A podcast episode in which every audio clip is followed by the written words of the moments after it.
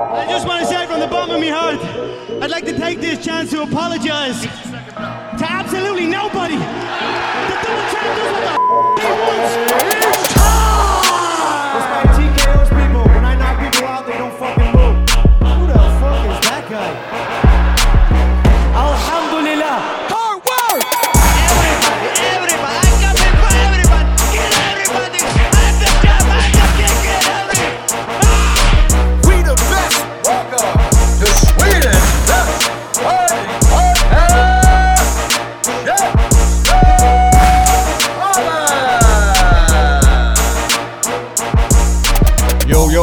Välkomna tillbaka till Käftsmällspodden, Sveriges största podcast om fighting. Asha Yes. Dafari heter jag, jag är här med Andres Viracka och idag har vi en riktigt spännande gäst här i studion som jag har väntat länge på för att köra en sån här podd, lite längre samtal med. Eh, vi har hängt mycket utanför de här recordings och, och, och sådär och han är en av mina favoritpersoner i journalistikbranschen, en av Sveriges bästa sportjournalister skulle jag påstå. Eh, all around, härlig dude. Kul att ha dig här. Phil O'Connor. Uh, today, today, today I'm here to take part and not to take over. Exakt. Härligt att vara här grabbar. Tack för inbjudan. Det Ja, det är härligt att ha dig här. Välkommen hit. Tack det så här mycket. kommer bli så spännande alltså. Så det, spännande. det hoppas jag verkligen. Bara det inte tar slut efter typ 13 sekunder som Connor gjorde mot... Uh, Vi har irländska flaggan här som hänger i studion. jag känner och- mig så hemma. Ja. och sen, jag har aldrig varit så peppad. När jag kom in i studion så började ni spela upp inledningen. Bara, ah, det här är på riktigt. Ja, ja. Du vet när du är på USC-event och de börjar spela The Who Ja. eh, allt det här. Vad heter det? Baba O'Reilly, Ja, Teenage precis. Och man sitter och eh, liksom, all belysning går ju ner. Och sen så kommer musiken och sen så vet man att någonting kommer att hända. Och jag kände exakt så när jag satt Ja, där. jag började såg faktiskt. Jag har aldrig sett någon som levde in sig i intro som du. Fan vad kul Ja, att du men- uppskattar det. Ja men det är verkligen det. Jättekul att vara här. Alltså. Ja, ja men det är kul och det, det finns ju så mycket som vi snackar om här så att den här podden tänker jag det blir, som vi sa, vi kör lite Joe Rogan, vi snackar om allt möjligt. Ja, visst. Eh, eh, det, det är mycket som händer med dig, det känns som att det, det, du startar massa nya roliga projekt också som vi går in på här. Eh, och du, du jobbar ju, bland annat så jobbar du med Reuters. Mhm. N- När jag beskriver Phil O'Connor, det brukar jag säga, förutom att Idiot. Alla, alla som har att göra med dig tror jag kan säga samma sak, att du, du sprider väldigt mycket glädje. Jag kan tänka mig att liksom, de olika teamen du jobbar med, du, du, du, du har varit liksom med around the block eh, eh, ganska länge och du, du har rutiner men också den här teamkänslan liksom att eh, eh, ja, men man bara kör och man har ett leende på läpparna och man, man hittar sätt att få saker att funka. Jag vet, när vi har haft med dig på Fight Club Rush till exempel och det liksom, det. när det var så här tekniska strul, du bara ah, vet du vad, vi, vi hittar ett sätt broder liksom. Ja, Och- ja, vi tar det här, vi tar det här, vi sätter ihop dem och så kör vi det här och allt det där. Ja. Ja, Men jag tycker, jag tycker det är viktigt Asha, för dels, ska vi jobba tillsammans, ska vi göra grejer, ska vi ha med varandra att göra överhuvudtaget, varför inte sp- sprida, äh, sprida lite glädje i det? Exakt. Ja, varför ska det vara så negativt att jag måste vara bättre än dig eller jag vill anses vara bättre än dig? Och? Mm. Nej, alltså om vi jobbar tillsammans, alltså hur kul har inte vi haft? Problemet är att vi kan inte dra alla de här berättelserna i podden för alla kommer att stämma oss direkt efteråt. Liksom. Men det är så många grejer som vi har varit med om från Las Vegas till Västerås. Liksom. Helt sjuka grejer. Och det tycker jag, det är den upplevelsen som jag vill ha. Det är upplevelser som jag är ute efter i sportvärlden. Men också, jag vill vara den som jag önskar hade funnits när jag växte upp. Okej? Det, där, förlåt att jag avbryter, men det där sätter liksom verkligen pricken över i på det här med, därför att mitt första intryck av dig innan jag kände dig överhuvudtaget, det var ju när jag såg dig med Pizza Carroll, Mm. eh, den här eh, härliga irländska journalisten, när han var i US i Stockholm och du verkligen tog han under dina vingar liksom och du bjöd han på Swedish meatballs och, och eh, det kändes som att ni är båda irländare liksom och, och jag antar att ni kände varandra sen, sen way back egentligen. Eh, men eh, liksom där såg man, ja ah, fan vilken skön dude liksom, så såg jag eran typ eh, post-fight recap eller någonting. Just det. Eh, och sen så, så hade inte vi någon kontakt förrän vi stötte på varandra i, i Las Vegas. Eh, och sen där helt plötsligt så gick du ut, du och Johan snackade lite och så bara, "Hej, varför inte Johan fler följare på Twitter liksom? Och så gav Ja. han en shoutout liksom. Och sen Just det. så började vi liksom träffas i frontkrigssammanhang. Så Men, men det där var en grej, för jag kommer ihåg när ni var där och du sa till mig, eh, Asha, när vi var där, jag, jag vet inte vilket hotell det var, det var inte någon av de som Det var den här Excalibur, den som ser ut som ett, typ ett Disney-slott på utsidan och sen insidan det är en annan femma. Det ser ut som Frozen och alla bara står och pumpar in pengar i de här jävla maskinerna. Men jag kommer ihåg att jag, har, jag dricker inte så jag har Nej. alltid hyrbil när jag är i USA. Ja. Och så sa jag till Johan det, okej om du vill hänga med, vi skulle ut någonstans till något annat hotell ganska långt bort. Alltså men vill du och Asha hänga med? Han bara vad fan, ja verkligen. Liksom. Ja. För det är ju dyrt och det är svårt och det är hålla reda på kvitto. Även om det är någon annan som... Okej, men vi hänger. Liksom, vi åker dit. Ja. Jag var där borta ganska nyligen och så Pani Kiansat var där på eh, UFC's Performance Institute och försöka rehabba från skada. Och innan jag åkte så sa jag till henne, men behöver du någonting från Sverige?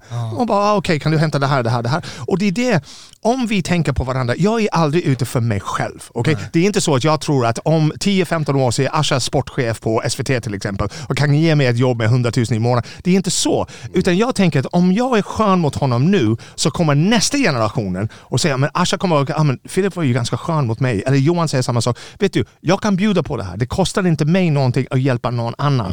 Och på det viset, det, på engelska vi kallar det för pay it forward. Exakt. Så jag är inte den som, liksom, jag, alltså jag är 51, jag har mitt hus, jag har min bil, jag har min kära fru, mina barn och allt det där. Jag kommer att klara mig. Det finns de som har sagt att om det var nuclear war imorgon så skulle jag nog klara mig rätt bra ändå. Liksom, och det tycker jag är viktigt.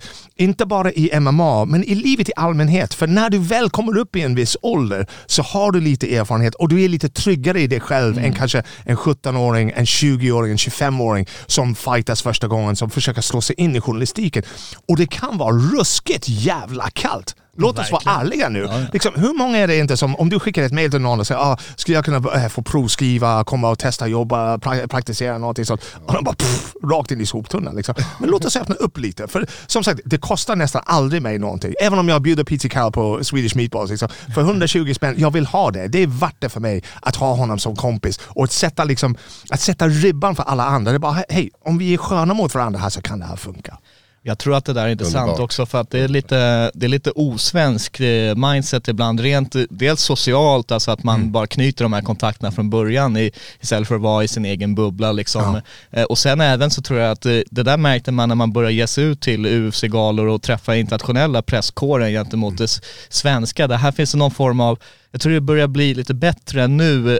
De senaste åren har det hänt jättemycket men förut var det verkligen liksom Man låtsas inte om varandras existens överhuvudtaget, liksom att ge en liten cred i artiklar, det fanns inte på kartan och, och det nästan man hälsar inte på varandra. Och, och jag blev liksom på något sätt, jag kom in väldigt tidigt, eh, jag har precis fyllt 18 när jag började provskriva liksom och grejer, så att jag groomades ju in i det här mindsetet själv liksom. Och jag har ju liksom varit en asshole mot andra och försöker tänka stänga ut dem. Och så att man får utmana sitt mindset också. Och, och där tycker jag att du har haft en jättebra påverkan på, på, på mig liksom så att, eh, eh, det är verkligen kul. Men jag tycker det är verkligen intressant Asha, för när jag kom hit, liksom, jag vill anpassa mig. Jag vill, vara, liksom, jag vill göra saker och ting, göra det så enkelt som möjligt för svensk media inom citationstecken att ha att göra med mig.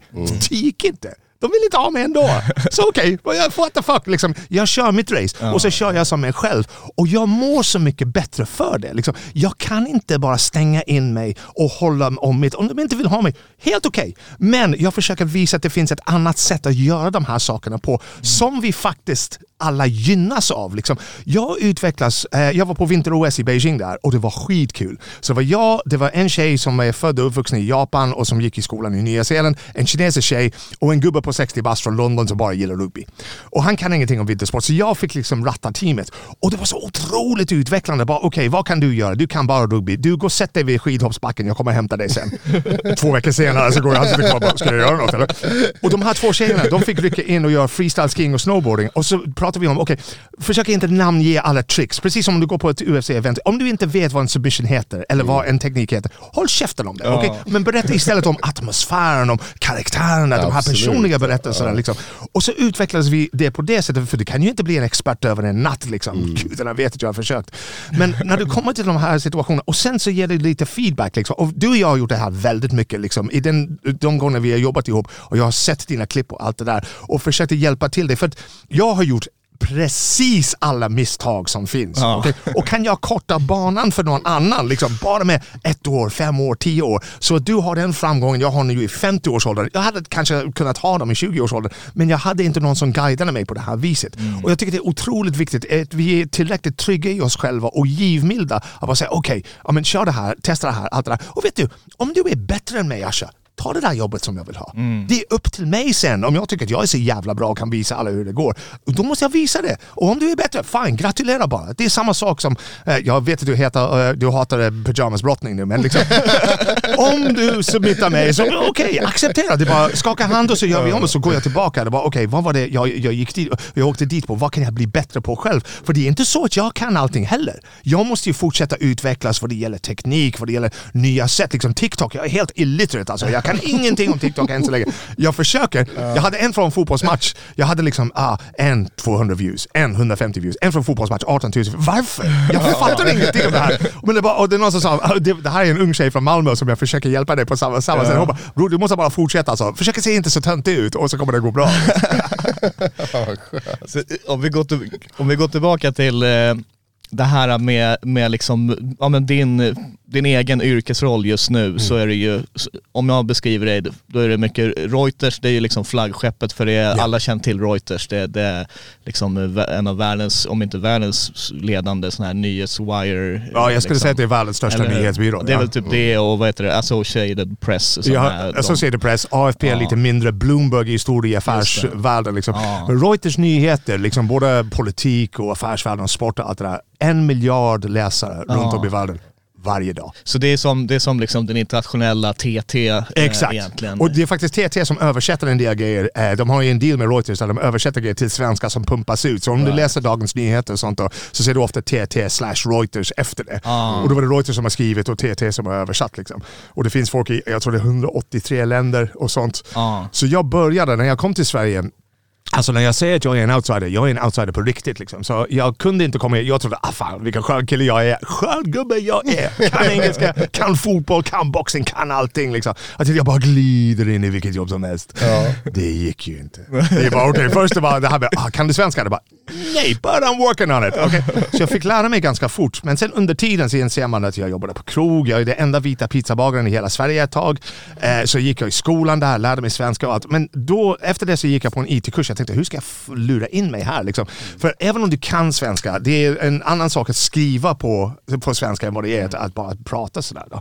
Så det tog ett, eh, lite tid. Sen fick jag, eh, jag fick ett jobb faktiskt av en hemsida som hade startats med en jävla massa pengar. Där stora namnet var Sven-Göran Eriksson, den stora svenska fotbollstränaren. Men sen tog pengarna slut och ingenting hände och allt det där. Jag tänkte, hur fan ska jag komma in här? Så jag började göra en IT-kurs och sen så gick jag till Reuters och sa, jag, "Ja, men kan jag få praktisera hos er? Och det var en kille där, Karl Hoffman Bang, jätteskön gubbe. Han bara, ja. Och det var det enda jag behövde. Bara öppnar du den dörren på glänt så det bara rakt igenom. Precis som Karla på Globen det går. Jag ska in, jag ska ta det här, jag ska visa vad jag går för. Och i början var det fixa datorer. Sen började jag skriva nyhetsbrev till dem om hur man skulle sätta sitt lösenord, hur man ska tänka kring säkerhet, hur man ska tänka kring backup och allt det där. Och det var, ej, har du funderat på att skriva någon gång? Och så står det bara, Åh, tycker ni att jag är bra på det eller? Skulle, skulle jag kunna få en liten chans va? Och så fick jag den chansen. Och så småningom så gick jag successivt från IT-rollerna mer över till redaktionen. Och sen för kanske 15, jag vet inte hur många år det var sen, så var det en kille som hade sporten. Men sporten var ju all, alltid en frilansroll på Reuters. Och de kom till mig och jag var heltidsanställd tills vidare, allt det där, pension, tjänstebil, hela grejen. Och bara, skulle du vilja ta sport? Jag bara, ja! så, så jag gick liksom på fredagen ut liksom framdörren och kom in bakdörren som frilans och har täckt sportförhållanden sedan dess. Och det har ju blivit, och vilket jävla drömjobb grabbar. Det är Faktiskt, ja. fotbolls-VM, OS. Ja, för det finns en grej som jag brukar skryta åt, och dina vägnar, så brukar jag säga han har intervjuat Zlatan. ah, bro. jag, jag, jag satt på det, tåget det är en en sån här gång. cool grej att kunna säga. Ja, liksom. det, det var det innan VM i Ryssland för några år sedan. Alltså, vi har ju gjort en del intervjuer under tiden. Liksom. Men eh, innan VM i Ryssland 2018 så fick jag ett pressrelease, liksom, pressmeddelande från Samsung. Det var, de hade gjort någon deal med Zlatan. Hade gjort Ja just det, ja, det han hade någon deal. Ja, han hade dealat med alla. Och så skickade de ut det här. Ah, vill du prata med vår talesperson? Jag ringde upp tjejen och bara lyssna. Om jag vill prata med era talespersoner. Jag vill inte prata med era talespersoner. Men om Zlatan vill ringa mig så får han ringa mig. Och bara okej, ska jag kolla vad jag ska göra. Flög till Oslo och jag satt på flygtåget och så kommer det upp okänt nummer. Jag tänkte fan jag svarar. Hej Filip, det är Zlatan. Jag bara tjena Zlatan. Nej vad härligt. Och jag har det kvar. Och så, sa- det var en sak som han kuttade. Liksom. Jag, frå- jag frågade, liksom, började med det här klassiska förortsfrågan. Bara, Hur många lurar har du? och han började garva. Liksom. Tror du jag är becknare eller vad fan? Så vi startade där, men det var ganska schysst. Men det var ju det, liksom, att, men just det där med ett drömjobb. När jag växte upp på, Irland var ett väldigt fattigt land, 70-80-talet. Och antingen så gick du in, du fick någon, något jobb som tjänsteman, så jag hade jag aldrig kunnat få liksom någonstans här i kommunen eller någonting där. Det bara nej. Eller så åkte du till London eller till USA. Och jag stannade kvar där, men vi var uppvuxna med att sport var ju våran grej. Och det var boxning, det var fotboll, det var gaelisk fotboll och hurling, de här härliga irländska sporterna. De borde vara med i käftsmällspodden för det är mer liksom fighting än vad det är någonting annat ibland. ja, det, nej, men det, var väldigt, det kan vara väldigt fysiska liksom. Men det var det, och jag tänkte fan, när vi hörde på radion liksom på 70-talet eller såg på TV de här stora boxningsgalorna och allt det där. Man har alltid velat vara där. Liksom, när man tittar på OS och ser friidrott eller boxning eller någonting sånt och så har man alltid velat vara där. Och sen helt plötsligt i 30-40 års ålder så är man där. Och det absolut största, det här är inte stort för någon annan än den här idioten som sitter tvärs över bordet från er nu.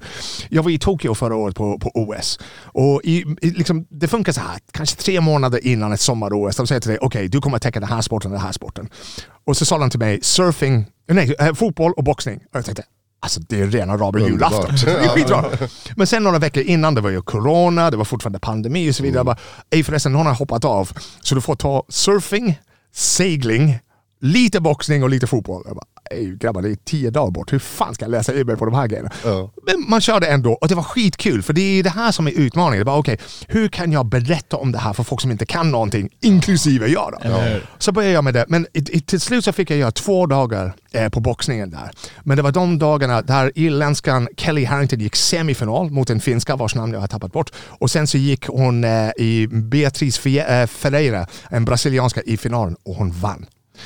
Kelly Harrington kommer som sam, från samma gata som min familj i Dublin. Det var, kan inte ha varit mer än 50 pers och hon vinner ett OS-guld. Och grabbar, jag, alltså, jag får rysningar nu bara att tänka på det. Att komma från det här fattiga landet utan någonting. Men bara, alltså, när jag snackar om det hade varit en dröm att göra det här. Alltså, det, det var så bortom min uppfattning när jag växte upp att det här skulle kunna hända. Och här var det. Och då, jag kommer ihåg på tunnelbanan i Tokyo efter den här matchen, jag tänkte om de skulle säga till mig imorgon, du är klar, vi fimpar dig, du får aldrig någonsin mer göra någonting sånt. Jag har sett Floyd Mayweather boxas, jag har träffat Chris Eubank där borta, jag har träffat Mike Tyson, jag har varit på MGM Grand när Conor McGregor förlorade mot Nate Diaz, jag har sett honom vinna, bli, eh, eh, första mästare med två bälten mot Eddie Alvarez eh, på Madison Square Garden, jag har intervjuat LeBron James i sina kallingar i Los Angeles. Liksom. Det är bara, vad mer vill jag ha Ja, utav verkligen. livet? Liksom? Och för att återgå till där vi började, varför ska inte jag hjälpa andra när jag har fått allt jag vill ha i livet? Ja gud. Underbart. Ja, du har förrysningar av din, eh, din eh, exalterande eh, liksom, beskrivning här av vad du har gått igenom. Efter matchen, alltså efter Kelly, Kelly Harrington vann hon kom ju ner och helt plötsligt så sitter en massa journalister där. Och det var så, den hade en sån betydelse för mig att jag inte jag, jag kunde inte tänka på någonting annat. Och jag pratade med henne lite smått efteråt för hon gick ner från, från det här podiet och hon tyckte det här var löjligt. Liksom. Hon jobbar egentligen som städerska på ett sjukhus. Liksom. Lite sjuksköterska grejer. Hon är så liksom jordnära som det bara går att komma. Hon står där bara, det här är crazy alltså. Det här är helt vansinnigt. Och så ser man i centrala Tokyo, liksom, och det, är bara, "Ey, det här kommer jag aldrig glömma. Och på det viset, liksom, att det är det jag menar när jag säger att jag vill dela upplevelser med folk. Liksom. De bästa minnena. Första Fight Club Rush som vi gjorde i Västerås, det är en av mina höjda kvällar inom svenska MMA. Och glöm alla fina UFC-galor som vi har sett och grejer som vi har sett i Solnahallen och allt det där. Men bara, ni var ju liksom i startskedet där av Frontkick. Det var du, det var Johan, eh, Jonathan var där och, och vi visste inte riktigt vad vi skulle göra men fan om vi inte skulle lösa det tillsammans. Och du var liksom programledare i citationstecken. Du sprang fram och tillbaka men vi skulle göra en behind the scenes video och allt det där. Och att, att se den energin och kreativiteten och allt det här, som sagt, det, att dela de här upplevelserna, det är ju alltså, det är fantastiskt. Men det är ju också så här, det är, jag tror att det viktigaste är ju inte liksom de största stjärnorna eller liksom om man är en av eh, 15 000 i en, i en arena som får, ja men som du säger, även om det är coolt att vara på liksom ett stort event, det, det är en upplevelse i sig. Men i sport överhuvudtaget så är ju de här personliga kopplingen till händelsen är ju det som gör, tar det till nästa nivå upplevelsemässigt känner jag liksom. Att, eh, även när man har kanske följt fighters från amatör, de går över till proffs, man har följt dem med vägen upp och sen när de kommer till en sån här career liksom booster, du vet, det finns de här uh, vissa situationerna där någon vinner en specifik match som tar en till nästa nivå liksom och så är man där och delar i ögonblicken med dem och man har en speciell connection med Mm. kanske den fighten eller atleten eller som du nämner med den här eh, irländska tjejen och så vidare. Men vet du, det blir samma sak för det, jag tror det var andra gången vi gjorde FCA så tog jag rollen som intervjuare pardon me, på eh, röda mattan där efteråt. Och då pratar jag, om du tittar på min Instagram sen, det, så finns en bild på mig och Josefin Knutsen och jag är aningen längre än vad Josefin är. Men den bilden, alltså den är, ligger mig så nära hjärtat för jag vet att den här tjejen kommer att nå långt inom det här. Och när någon tog den, jag vet inte om det var du som tog bilden eller vem det var, men jag tänkte fan det här kommer att ha betydelse sen. Liksom. Vi kommer att kunna peka på det här. Så när hon har gjort sitt, nu är det ingen press på henne, hon får leva sitt liv exakt som hon vill. Jag kommer inte bli besviken på henne om hon aldrig vinner någonting. Men hon har ju det som krävs för göra det. Och när hon väl gör det, alltså det, det, alltså det finaste ordet på det svenska språket är vad var det jag sa? Exakt. Och framförallt, liksom, och jag har hört dig liksom väldigt många gånger när du pratar med PTs tidigare podcast, eh, Talking Bras och sånt. Och du har ju lyftat, eh, du har ju lyft liksom vissa svenska fighters och så vidare. Och sen så kommer han tillbaka och säger ah, men du sa det här, om den här killen eller tjejen för två år sedan. Och det är ju också skitnice att vara en del av deras resa. Precis. För allting handlar om, egentligen är en sport, vad är vi intresserade av? Resultat är bara en liten, liten del av det. det. Och det är inte ens prestationen, det är människorna. Det är det. Det är de berättelserna. Det är därför folk lyssnar på den här podden. Det är därför, därför folk kommer till den här studion. För att öppna upp sig och berätta om det där. Och om ni går tillbaka genom alla avsnitt som ni har gjort. De som har berättat mest och bäst om sig själva är den, de avsnitten som folk gillar bäst. Och det är det som är, vi har ju ofta pratat om det här med, med sport och hur man förhåller sig till media. Och MMA är ju lite annorlunda om vi säger så jämfört med fotbollen eller vilken OS-sport som helst. Liksom. Men jag skulle, om det är fighters som lyssnar på den här, ta chansen. Okay? Fundera, vad är det, hur vill du att världen ska se på dig? Ta chansen. Vad är ditt bästa jag? Vad kan du bjuda på som alla kan ta del av? Som folk kommer älska inom dig. Och Vissa har gjort det väldigt bra. Connor gjorde det väldigt bra i början. Det här kaxigheten var ju skitbra. Det här var något helt nytt för oss irländare också. Vi gick alltid med mössan i handen lite sådär. Alltså, bodde bredvid engelsmännen. De hade liksom tryckt ner oss i 800 år. Allt det, där. det var inte naturligt när han kom och bara hey, we're not here to take part, we're here to take over. Alla bara, Hej, hej, knas, yeah. ja, jag är med på det här liksom. Men sen att han gick över till, till överstyr. Jag var på eh, Radio City Music Hall när han gjorde den här presskonferensen med Habib. Och han kom för sent och så tog han Med liksom, whisky.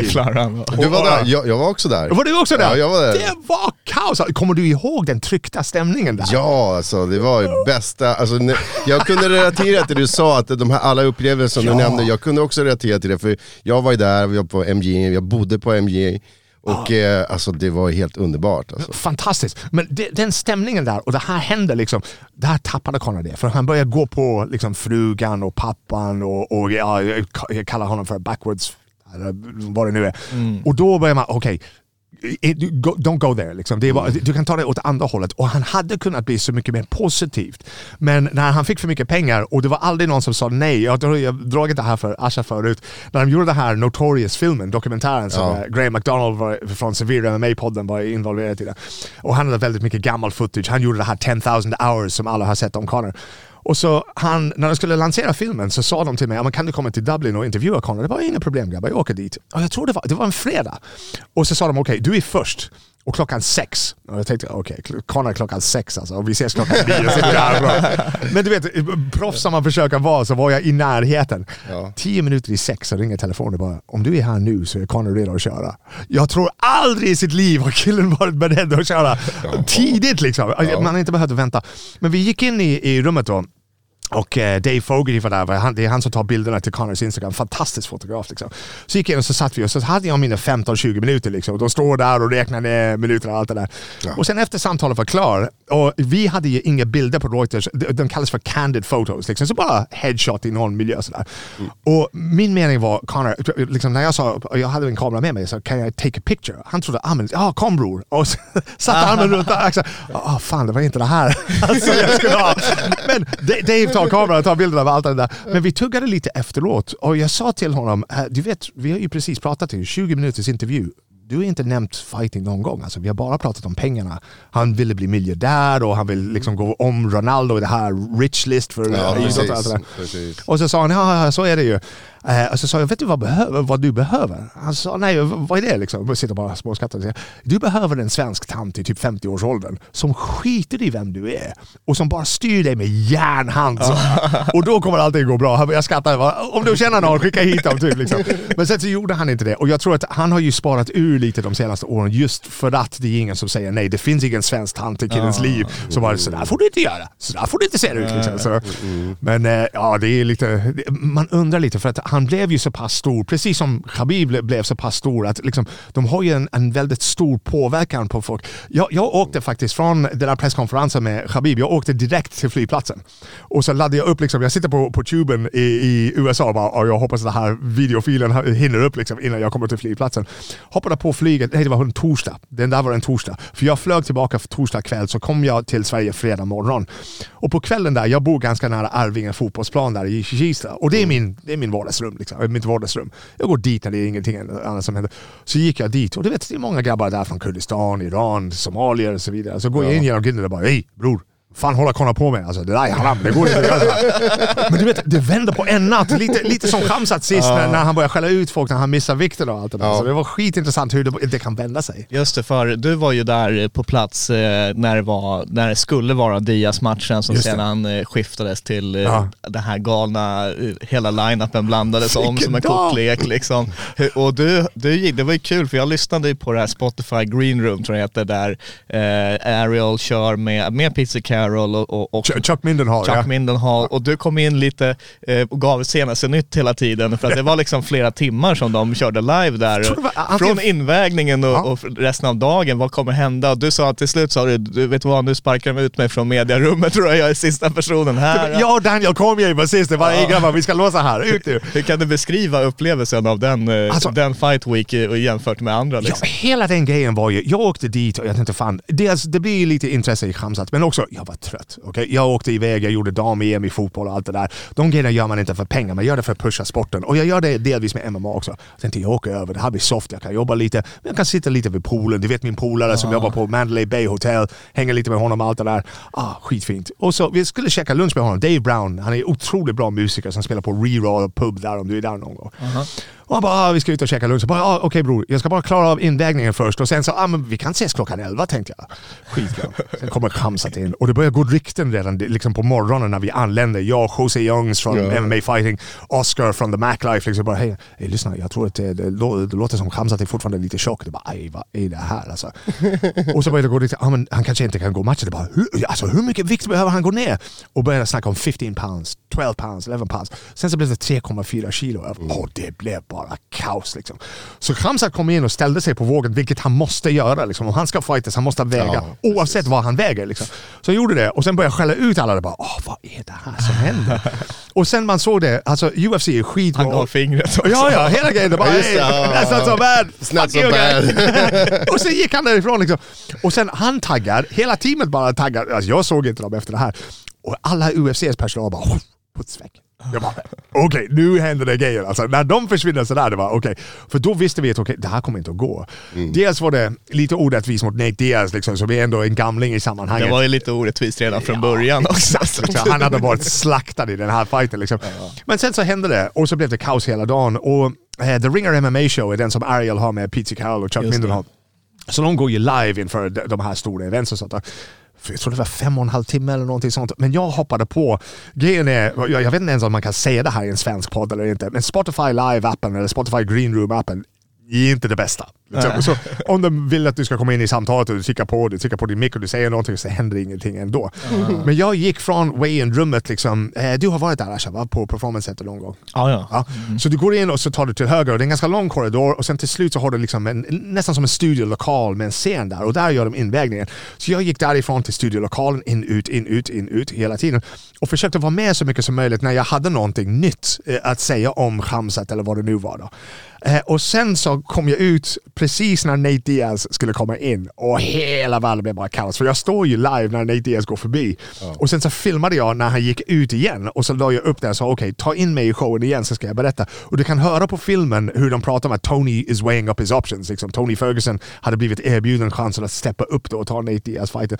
Men hela dagen gick ju åt alltså. Det var kaos. Oh ja, det, men grejen var ju, på sätt och vis, det var intressant dag för svensk MMA, för nu har Khamzat, liksom, han har gått från att vara babyface, liksom, någon som var väldigt omtyckt av alla, den här killen kan krossa vem som helst. Nu är han heel. Liksom, alla bara, ej den här killen, alltså, han fuckade hela kortet där. Jag tycker personligen att kortet blev bättre. Alltså, det blev, Ja, det tycker jag också. skitkul liksom. Och sen, eh, sen mördade han Kevin Holland och allt det där. Och jag tycker han funkar nästan bättre som en bad guy.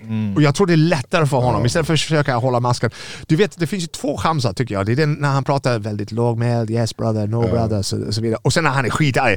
Jag, jag går igång när han är arg. Alltså, jag, jag, okej, nu in och smasha den där killen. Liksom. Så jag tycker att liksom, nu har de lite av ett problem där i UFC. Hur ska de marknadsföra honom? Och jag, det, är, det är en intressant grej framöver, men jag vet inte om han någonsin kommer tillbaka till 170. Men 185 alltså, det finns ju många bra matcher där. Så det är aldrig någon, någonting som är så pass dåligt att det inte kommer någonting positivt därifrån. Nej. Nej men precis. Eh, uh, ja, det är, jag håller med om mycket du säger också. Framförallt det här med heel därför att det, det, det handlar, jag gillar inte riktigt det här när man ska typ, uh, ibland känns det som att man ska försöka själv, ja men du vet, tänk dig som att du skriver en pressrelease liksom och du ska lyfta allting fint och sånt där. Men vet du vad, det är fighting liksom. Alltså, låt dina riktiga känslor komma Ja. fram och vara den du är liksom. Och det tycker jag, jag gillar den utvecklingen därför att det börjar bli liksom, eh, ja men du vet, en, en roll här och sen ska man visa upp något annat i media och det där liksom och, och hur teamet ska kanske vinkla saker och sånt där. Och det, och Om jag går tillbaka till en av de mest fascinerande grejerna. Jag tror jag hade precis träffat min fru här och hon var svenska. Kunde namnet på Ingemar Johansson och ingenting annat. Liksom. Eh, och, alltså, jag har alltid gillat boxning. Boxning har alltid varit en av mina grejer. Och det finns The Celtic Warrior, Steve Collins, en fantastisk super middleweight boxare. Det var han, Nigel Benn och Chris Eubank senior. Och de, det här triumviratet gick ju runt liksom. Men det snacket som gick dem emellan var helt sjukt alltså. Så du hade Steve Collins som hade en yogalärare, mästare, liksom, kom ut i en presskonferens och sa ah, det är så att ja, han har pratat med mig så mycket nu och det har varit hypnos och allt det där. Jag känner ingen smärta i ringen. Alla bara, ah, bo. Han, han kan ju antingen bli dödad eller döda någon annan. Och allt det här hypen kring det var hur bra som helst. Och sen eh, Chris Eubank gick runt som en engelsk gentleman med hela liksom, mössan och käpp och allt det där. Och hela den bidrog till det. Och det är inte alltid så. Alla behöver inte vara liksom Wonderboy Thompson. Vilket, han är den snällaste människan. Liksom, han har gått efter mig och tackat mig för intervjun. Är bara Steven, låt det gå. Det är, det är det mitt jobb liksom. Jag har bara gjort det där. Han är verkligen den snällaste av alla. Ja, det- skitnice liksom. Ja. Och, och vissa är det. Och om det är du, det är helt okej liksom. Men Mm. vissa är ju inte såna. Vissa är ju som, ja, Khamzat kan vara lite sned, kan, kunde vara lite sned också när han skulle försöka komma ner. När han skulle fightas mot Conor den gången, vi var på invägningen på hotellet. Jag vet inte om du var där så här tidigt på morgonen. Men jag gled in på hotellet i alla fall. Och du vet, de här hotellen i, i Las Vegas, de är sketstora. Och det var, Mm. ah, it's in this room. Det bara, var är det? Ja, ah, men det är två kilometer bort. Jag bara, Fan, liksom, bilen är här. Så springer man med alla väskor och allt det där. Och så gick jag runt hörnet och så fum, de här double doors öppnar upp. Och så kom Khabib ut och gick rakt in i mig. Och bara tittade på mig och jag tänkte, ah, nu är jag död. och det här var typ, ja, jag tror det var typ 10 i 9 så han skulle väga in klockan 9 lokal tid. Och han var precis där det gör mest ont. Och du vet att det är snart över men du pallar fan inte med det. Och sen kommer det här långa eländet och bara, oh sorry. så det är, nej, men det är, det är viktigt att man hittar en, en personlighet. Nu, jag, alltså, jag pallar inte med Colby Covington när han kör den här grejen. det, är bara, det är bara irriterande för jag vet att det inte, han är ju inte Det är en inte sån. på riktigt. Nej, och han, han spelar upp det. Hitta någonting i din egen personlighet. Jag har ju alltid tyckt att liksom, Josefin Thunder, hon är så jävla skön. Liksom, att, att försöka ta plats. Elin Öberg är också en sån. Elin är så jävla skön. Och det var, hur ska du ta plats om du är för snäll? Liksom? Du måste ändå hävda sig. Och det är också någonting i våran scen, även om det är fighting vi håller på med. Folk hävdar sig inte på samma sätt. Liksom. Det är lite jante-grej att man inte vågar. Liksom, ah, men jag är ju faktiskt bäst i min viktklass eller min åldersgrupp eller som amatör just nu. Liksom. Vi behöver mer sånt. Alltså jag tror att eh, efter Connor och efter det här som liksom många kunde relatera till en början och sen började det kanske eh, spilla över lite grann. Då var det en effekt eh, som fortfarande känns av som är att folk cravar realness liksom från de här eh, fighters blir på ett sätt idoler eller i alla fall någon man följer och någon man liksom tycker är cool och sådär. Men man fansen har lärt sig på ett helt annat sätt post Connor era liksom att eh, eh, se när det är, eh, det, det finns typ till, exempel Chael Sonnen, han har ju en briljans med sitt sätt att, så det blir en rolig grej. Ben- Ben Askren likaså. Ja, precis. Men, men man ser också när det är, när det är liksom eh, Colby eller eh, Kevin Lee, Ja. kommer jag ihåg när han dök upp med någon bandana och glajjor liksom och snackade om prelims och försökte copy Connor rakt av liksom. Att fortfarande, eh, det är därför man såg liksom till exempel Darren Till, eh, Ja. någonting som gjorde att folk började gravitate ännu mer till, till honom, det var när han var ärlig och sa vet du vad, jag, jag var skiträdd och ville inte ens fightas liksom. Sånt började folk eh, uppskatta ännu mer för det, fan de är ärliga, vi, liksom, vi känner en real connection här, inte Men bara exakt, och- lyssna på soundbites liksom. Exakt, och när det blir sådär genomskinligt och folk ser igenom det, det, är ju inte du. Liksom. Det, jag, jag kommer ihåg fotbollsspelaren eh, Emil Forsberg som spelade i typ Sundsvall, sen spelade han i Malmö, åkte till eh, Leipzig, började spela, spela i landslaget och allt det där. En dag kom han med den flashigaste skinnjackan jag någonsin har sett. Jag bara, Hej bror, vad är det här? Alltså, och jag fattar, du har pengar och allt det där och du vill investera i, ja, eller du kanske vill köpa kläder och allt det där. Men det kändes för mig inte som killens personlighet. Jag har ju ändå liksom pratat med honom när han spelade i Malmö FF och så. Det här är inte du. Liksom. Det, gör din grej, absolut, om du är övertygad. Men för mig, det klingade inte riktigt rätt där. Liksom. Och jag tror att det är väldigt många som, väldigt många som harmade Connor. James Gallagher som fightas i Bellator där, som bantamvikt. Ja, Just det, det blev lite mini-Connor. Ja, och, och, det, det är så svårt att bli av med det. Och James är ju, eh, han är en väldigt varm person. När du pratar med honom, på mycket varmare än vad Connor kan vara. Connor är alltid, han är alltid på. Han vill alltid skratta, han vill alltid, någon ska, någonting ska hända kring honom hela tiden. James är ju inte så. Han är lite mer tillbakadragen, men sen när han gjorde sina mediegrejer så tryckte han på lite väl mycket. Men det är ju inte, och det- håller inte i längden heller. För liksom Colby Covington, så småningom så måste han släppa den här grejen. För det kommer ju inte gå. Donald Trump kommer att försvinna och så står han där med byxorna nere och det, det är inte kul längre. Och det är det, att hitta någonting, och det, det, det går tillbaka till, återigen till där vi började. Liksom. Hitta ditt bästa jag. Och hitta det som är, Steven Thompson är the nicest guy in the world. Okej, så spela upp till det då. Men var ärlig mot dig själv. Var ärlig mot publiken också. För återigen, vad är, varför tittar vi på det här? Varför älskar vi vissa över alla andra? Liksom? Jag älskar Amanda Nunes. Det, det, det är bara, hennes personlighet för mig är otrolig. 100% reko. Det är det hon är. Hon är exakt likadan in, eh, på insidan buren som hon är på utsidan. Och jag tror att vi mår ju alla bättre, både som fighters och som fans och som människor överhuvudtaget, om vi kan vara oss själva. Om vi inte behöver sätta upp de här murarna för att vi är rädda för vad folk tycker om oss och allt det där. Liksom. Och den senaste tiden, alltså, Asha, jag vet att du har varit sjukskriven lite också. Och för de här, det kommer ju krav med alla de här grejerna. Och du tycker att ja, men folk tycker jag är duktig, men jag måste ändå prestera hela tiden Precis. för att behålla det. Men jag älskar dig inte för att du är duktig på det du gör. Jag älskar dig för den du är. Min fucking broder. Där, men, men det är så det ska vara. Jag har ing, alltså, om du aldrig ringer mig igen efter det här samtalet, visst jag skulle bli besviken. Men jag kan inte ställa krav på dig på det sättet. Liksom. Och det är det, om vi är ärliga mot varandra, bara här, jag pallar inte med det här längre, eller det här är den jag är. Om du gillar mig, fine. Om du inte gillar mig, det är också fine. Men det, jag kan inte göra mer än så här. Och släpper vi alla de här grejerna så tror jag att vi kan alla andas ut.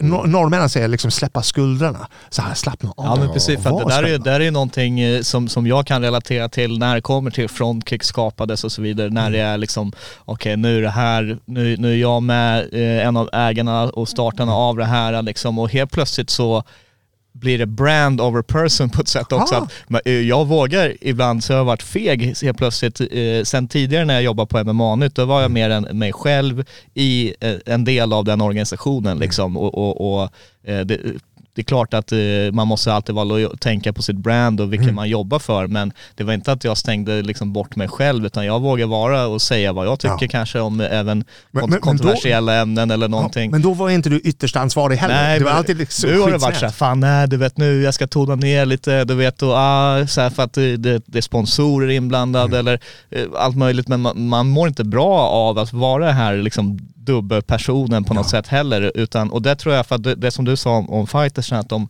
ska tänka eh, hur vill de att världen ska se dem. Mm. Jag tror också det finns en fara i att tänka på det för mycket för att då blir det att de, som de, de skriver en egen pressrelease om sig själva istället för att bara visa vem de är. Mm. Eh, man, man ska hitta sina kvaliteter men inte försöka forsa fram någonting som inte är naturligt precis som du säger. För det, det känns som att många är off cam, så här, fan varför säger du inte så här? Det här, Ja. är, det här är vem du är liksom. Nej men du vet, jag ville visa att jag är ödmjuk eller någonting. Mm. Jo visst, men, men liksom fan, folk kommer också gå igång på se när det verkligen tänder till i ögonen och, och, och du vet, det är därför Josefin Knutsson, hon har aldrig lagt på en, en fasad av att hon ska liksom leka Allan Ballan. Däremot, jag kollade tillbaka bara häromdagen på vår, eh, den här videon som vi gjorde sist som jag tror du var med på FCR med oss och då var vi där för, eh, på invägningen också.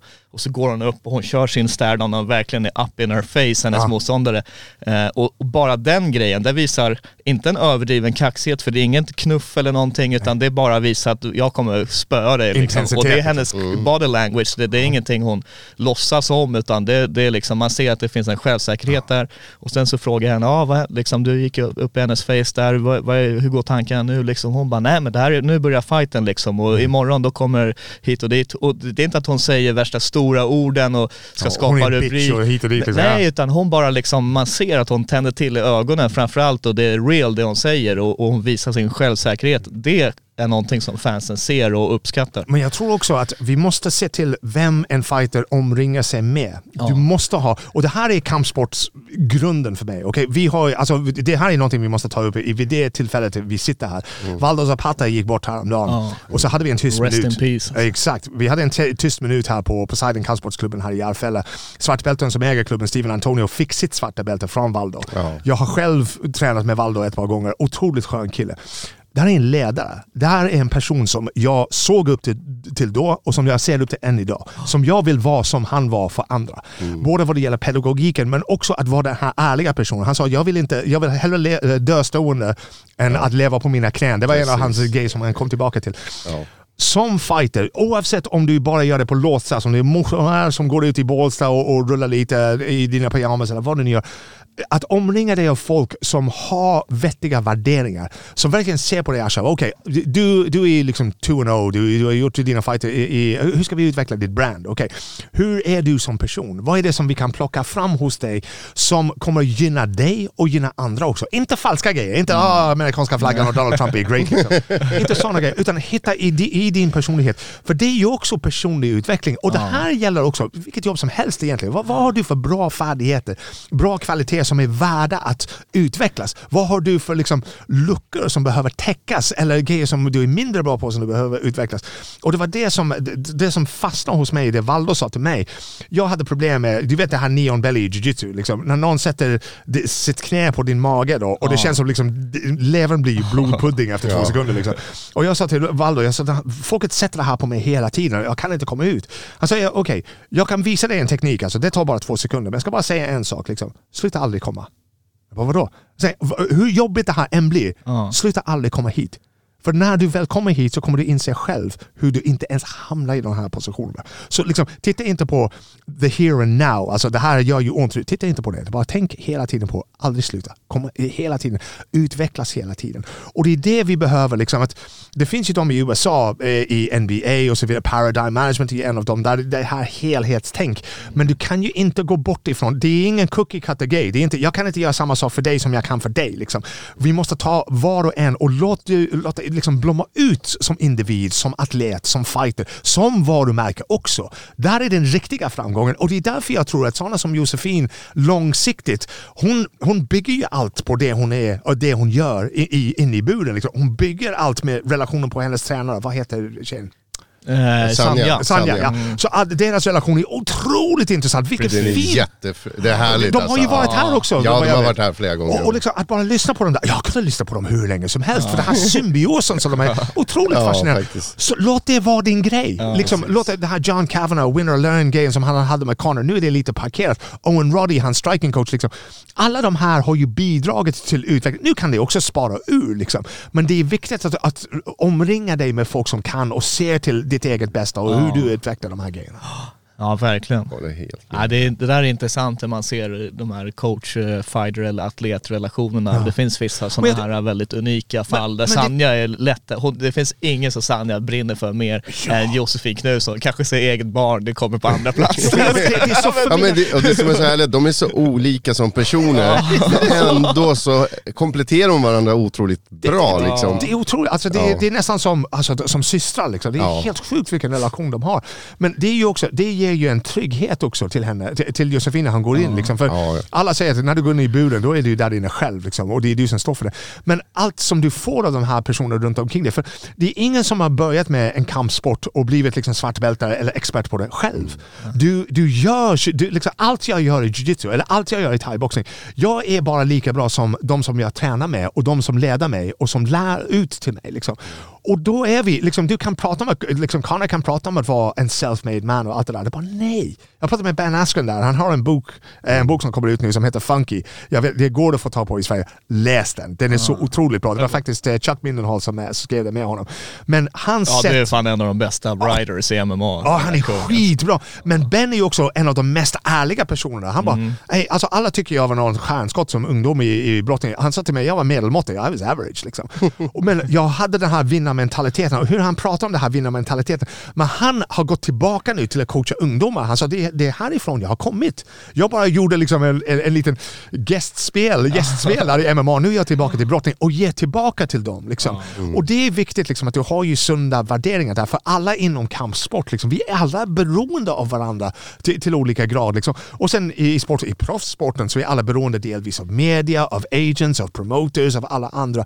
Och i det här samspelet som funkar inte riktigt som fotboll eller basket eller bandy eller vad det nu är. Liksom. Men vi måste kunna hitta liksom, en spelplan där vi alla utvecklas till det positiva och försöka liksom, motverka de mer negativa. För det är fan det är lätt att få en negativ stämpel på MMA vart man än går i världen. Liksom. Men det måste vi liksom jobba bort för det är så mycket positivt i den här sporten. Liksom. Ändå sen jag började täcka det, ändå sen jag började med karate och judo när jag var i tonår. Det har gett mig så jävla mycket. Men det är framförallt det att jag har fått kompisar som är, jag har fått ledare, hela den här klubben. Oavsett vad jag behöver. Liksom, om säkring går i huset ikväll, jag kan ringa en elektriker på klubben så är han där på tio röda. Liksom. Och det är det som är grejen, det här gemenskapen. Och återigen så kommer vi tillbaka till personer och personligheter. Det är det allt handlar om. Det, det finns några frågor om journalistik som jag tänkte ställa till dig. Eh, Eftersom att du har ju, det känns som att du har haft fötterna lite all over the place i Mm. dels MMA-media, svensk MMA-media, internationell och samma, även eh, liksom nationalpress, Mm. eh, både svensk och utländsk. Eh, och hur, hur skiljer det sig liksom när man tittar på en MMA eller kampsport i eh, en större tidning gentemot den här MMA-mediebranschen? Alltså den är skillnaden är som en natt och dag. Ja. Liksom. Och det är det, jag kommer ihåg, jag brukar inte erkänna det här offentligt men jag ska göra det nu. Alltså, jag gick ner till videobutiken på 90-talet och så hyrde jag ut videon på UFC 1 stängde av den efter 10 minuter. Jag tyckte den var skräp. Alltså, det är väldigt många som tittar på det där och så blev de frälst direkt. Min Ah, kompis resa. Nej, det, det där är ju jag äckligt, sett! alltså. Jag pallade inte ens med det. Jim Brown som var där och co-commenterade. Vad fan vet du om fighting är? Och så såg jag det här. Jag bara, nej, alltså det är skräp. Och som de sålde in det då. The only rule is there are no rules. Jag bara, ah bo. Jag släppte det. Är cringe-varning. Ja, så jag bara släppte det. Jag bara, nej, det här är ingenting för mig. Liksom. Och så kom jag tillbaka till det liksom, tio år senare eller någonting sånt. Och så tyckte jag ändå, jag hade jobbigt med det för att journalistiken var ju så pass hit and miss. Liksom. Så den gick in i the underground. Och det, så var det en underground-sport. Det fanns ju inte folk med redaktionella kunskaper eller egenskaper eller någonting sånt. Det hände bara. Den växte fram organiskt. Och det är det här som UFC har ett jättestort problem med mig för att jag jobbar för världens största nyhetsbyrå. Vi jobbar inte på samma sätt som eh, en MMA fighting eller som en Ringer MMA podcast eller Ariel Helwani för den delen som är utbildad journalist. Vi jobbar inte på det viset. Liksom. Vi är inte vana vid liksom, att dyka upp på en presskonferens. Om vi dyker upp på en presskonferens och vi ska sända live, den ska börja klockan 10, punkt. Om du säger att det ska börja klockan 10, då ska det börja. Det går inte med, med det här med åh, vi har alla varit med om det här. Ah, ja, men Fighter A, eh, han kommer ringa dig 17 imorgon. Va? Det var tjena. det har aldrig hänt förutom den gången som Conor var tidigt. Liksom. Det funkar inte. För jag har ju liksom, folk säger att ah, han kommer vara 10 minuter sen. Bror, jag har ett samtal till vid liksom halv. Det går inte, jag kan inte göra det här. Ja, men kan vi göra det imorgon? Nej, för liksom, jag har ju någonting annat hela tiden. Ja, vi erbjuder den här plattformen till er. Vill ni inte ha det? Mm, det är inte så mycket jag kan göra åt det. Och det är det här som de har så svårt för. Alla i början, MMA-media, MMA började växa samtidigt som internet började växa. Först med f- 56k-modem och allt det där. Och så växte det upp en mediekultur runt omkring det. Sen har det liksom gått mer och mer och mer med The Ultimate Fighter och så vidare. Mer och mer och mer mot det liksom, eh, massmedia, liksom mer accepterade grejer. Men de är, de är fortfarande, liksom, de vet ju. Och sen vi är ju också inne i en medieålder nu där UFC producerar så mycket content själva att de har ju faktiskt inte så, eller de tror sig inte ha ett stort behov av massmedia. Men grejen är, jag återgår till det vi sa i, i början där. En miljard läsare varje dag. Ni vill inte ha det här? Så liksom, Dana White, under alla tider som jag har täckt MMA, jag tror jag tog över det formellt. ehm, Reuters började ta sporten på allvar när Ronda Rousey förlorade mot eh, Holly Holm. Och så folk bara, ni har ju inte skrivit någonting om det här. Och jag hade stått och stampat bara, vi måste börja täcka det här, vi måste börja täcka det här. Conor McGregor, Ronda Rousey, allt det här. Bara, Nej, det är inte av intresse liksom. Eh, för de som har makten inom mediebranschen ofta är väldigt konservativa. De bara, nej det är bra med rugby och cricket och fotboll och allt det där. Vi är glada där. Och, bara, okay. och sen så förlorar Ronda Rousey, värsta headkick knockout. Och måndag morgon, alla tidningar i hela världen bara, varför hade ni inte någonting om det? Och de bara, ah Filip, kom, kom, kom, vi måste prata om det här. Liksom. Det är för sent grabbar. Liksom. Så vi kom ju in i matchen och ändå sen dess har jag varit på UFC. Kan vi få till en intervju med Dana White? De bara, nej. Eller kan du skicka frågor? Nej. Kan du skicka frågor? Jag har killens nummer i min telefon. Och om jag skickar ett sms till honom nu, någon kommer ringa upp om fem minuter, men det är inte Dana White. För han vill inte hålla på med sådana som jag. Liksom. Jag, jag åkte dit... Han vill ha dem som playball. Liksom. Nej men det är liksom, det, han ser inte värdet i det. Liksom. Och, och sen så, det är lite risky för honom också. För liksom, säg att jag var där när Ariel fick kicken. Han fick, eh, vad är UFC 200? Eh, 199. 199 var det. Och så drog de in Ariels akkreditering för att han, he broke the story att eh, Brock Lesnar skulle vara med på UFC 200. Precis. Och så drog Och de in... eh, Eh, Diaz, eh, Just det. två på, direkt efter varandra. Ja, och så, jag gick ju i taket och bara, det, det här, det, det, det är inte okej liksom. Okej, du har ju ett problem här, någon har läckt det här, det är ditt problem. Ja. This is a fucking you problem liksom. Det det är inte Ariel Hawani som har gjort det här. Så när de gjorde det där, och jag var ganska högljudd om det där, och jag har ju inte världens största plattform, men det hörs när jag börjar snacka skit om folk. Liksom. Så då blev Det är det... en av Sveriges mest aktiva twittrare känns det som. Jag har inget Twitter, jag har fan missat det här. Alla kan få det hit tiden. från uh, Ah, yeah, everybody's getting it. Line up. Ja, ja, till höger och vänster. Det händer. Men-. Jag kommer skaffa Twitter så fort det här är såklart. bara är. Men bara när jag ser, jag kan inte hålla käften när jag ser någonting som är fel sådär. Och framförallt vad det gäller media. Det Liksom. känns som du inte sover när det kommer ut en tweet hela tiden. Han, som en kvart över fyra kvällen, och bara, är, är du vaken eller? Så vaknar jag kvart över sju och bara ja nu ja. Det bara, ah, okej. Jag, jag, jag trodde jag, jag, jag slackade eller någonting hemma. Liksom. Ja. Men, men när det väl hände liksom, så det visade bara vilken skillnad det är mellan vanlig journalistik. Liksom. Jag bröt ju storyn eh, i början av pandemin där när EM i fotboll skulle skjutas upp ett år från 2020 till 2021. Då. Det var jag som bröt storyn på St. Patrick's Day 2020 tror jag det var. Och jag var där beredd att fira lite Guinness och allt det där. Men det jag egentligen gjorde var, när de ställde in den här fotbollsturneringen så rensade jag min egen kalender på direkten. För alla sportevenemang skulle bara bort direkt efter det där. Ja, det. Och när jag tyckte på sen så jag pratade med någon på Svenska fotbollsförbundet, jag pratade med någon på Norska fotbollsförbundet, jag fick det bekräftat, jag la ut nyheten. Det är inte så att de drar in min akkreditering för det. Det är bara okej, du jobbade för dig fram till det. Ja, nu måste vi bara hitta de som gjorde det här och säga "Ey, prata inte med den här snubben tills vi har fattat beslut och tills allting är grönt. Liksom. Men jag hade på fötterna och så blev det. Men med Dana White, det är bara nej, ta ut dem härifrån. Det är bara, eh, nej, det funkar inte så. Du måste vara, och det här handlar om allt från fighter safety till fighters careers, till deras pay, till allt möjligt. Liksom, vi måste kunna hålla dem eller ställa frågor som de får svara på. Liksom, det, det, är det, vi, vi skyddar varandra genom att göra det här. Vi skyddar folk som betalar 70 dollar för en pay-per-view i USA, att allting går rätt till liksom, med Khamzat Chimaev när han ska väga in. Om inte vi är där, de kan ju göra vad som helst. Ja visst, ja det blev 170, ja men låt han köra mot Nate Diaz. Liksom. Det är därför media är här för att filma de här grejerna. Det går ju tillbaka till när det började bli lagligt i Las Vegas på 30-talet, började slå vad på de här boxningsmatcherna. Pressen måste vara där, för det var ju helt maffiastyrt. Så vi är inte där för liksom vår egen skull, för, eller för att eh, en viss frukostbuffé är ju bra. Liksom. Vi är där för att liksom, okej, ja men det här har ju faktiskt hänt på det här viset. Liksom. Det är samma sak på Madison Square Garden och de här ställena. Så journalistiken är ju otroligt viktig. Jag vill se en bättre journalistik. Jag vill se en journalistik där folk faktiskt vet. Journalistik är ett hantverk. När du ska göra någonting, vissa tycker det är konst. Vi tycker Chuck Mindenhall är ju hur bra som helst på att skriva. Visst, men han är ännu bättre på research och samla fakta och analysera och plocka fram vad är det som är viktigt här? Vad behöver folk veta från det här?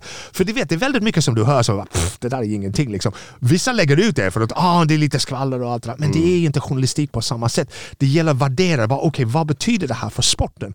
Där snackar vi om ett väldigt, en väldigt hälsosam sport om vi kan få till det. Vi är inte där än. Nej. Men det är väldigt många som vill väldigt väl och det är väldigt många nu som ser det här som okej, vi kan ha det, inte det här fan-drivna perspektivet längre. Om vi ska ha med liksom UFC såld, det, bolaget såldes för 4 miljarder dollar. Alltså det här är ingen lek längre grabbar. För FCR är med på st- världens största fightingplattform vad det gäller liksom TV.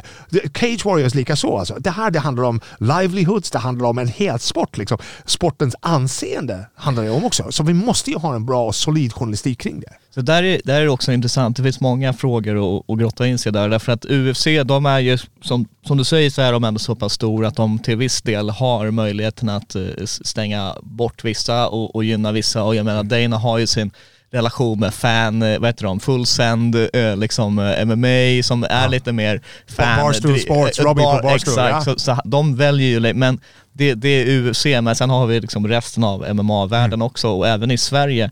Sverige tror jag skulle må väldigt bra om eh, fler från, där måste, vi måste bygga bryggan till den här större eh, nationalmedia att på något sätt hitta och där, jag sitter här och tar varje chans att och snacka om till exempel att SVT, de ska vara på Fight Club Rush, de ska inte, Ja.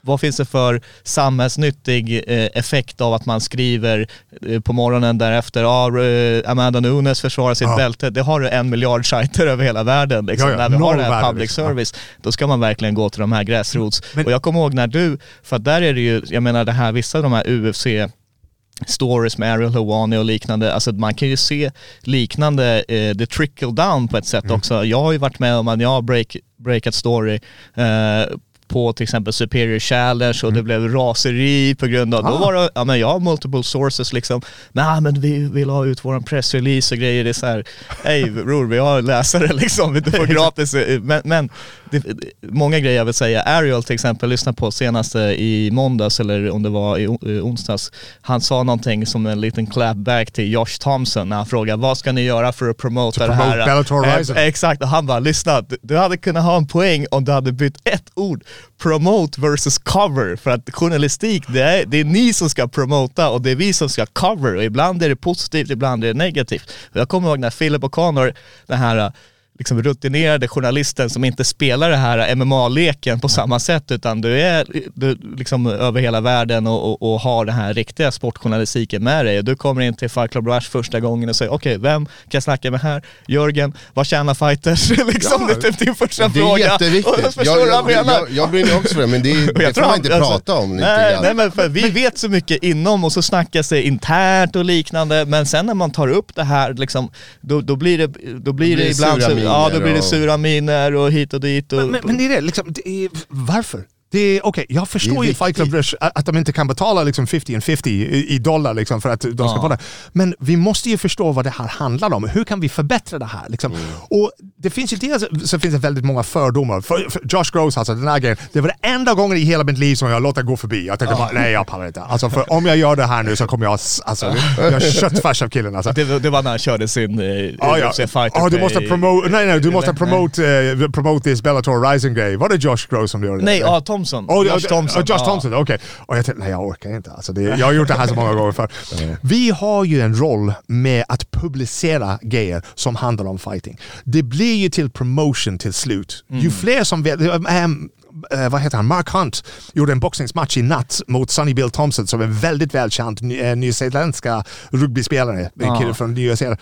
Ingen visste om det. Nej, jag visste inte om det. Först du sa det nu. Ja, ja, eh, Han ran, vann i eh, rond fyra tror jag med by knock.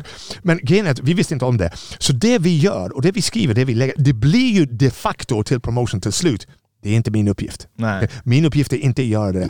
Och det är därför, när jag går till Jörgen och allt det där, jag vill bara berätta grejer som fans ka- kan liksom lära sig någonting om. Vad handlar det om här? Hur mycket tjänar de? Vad är det för liksom förutsättningar? Hur ser det ut i omklädningsrummet bakom kulisserna?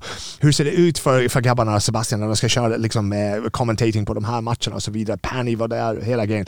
Så vi fyller på och det, blir, det lyfter ju det. Det gör det mer synligt på sätt och vis Det är inte vår roll. Alltså, det är bara en biprodukt av det vi gör, av den rapportering som vi gör. Och det är väldigt många fördomar. John Kavanagh har ju haft dem eh, när det gäller teckning av kameror.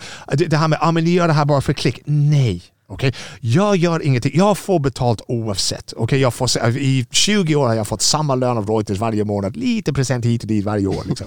Men det är samma grej. Det spelar ingen roll. Jag gör grejer för att jag tycker de är viktiga.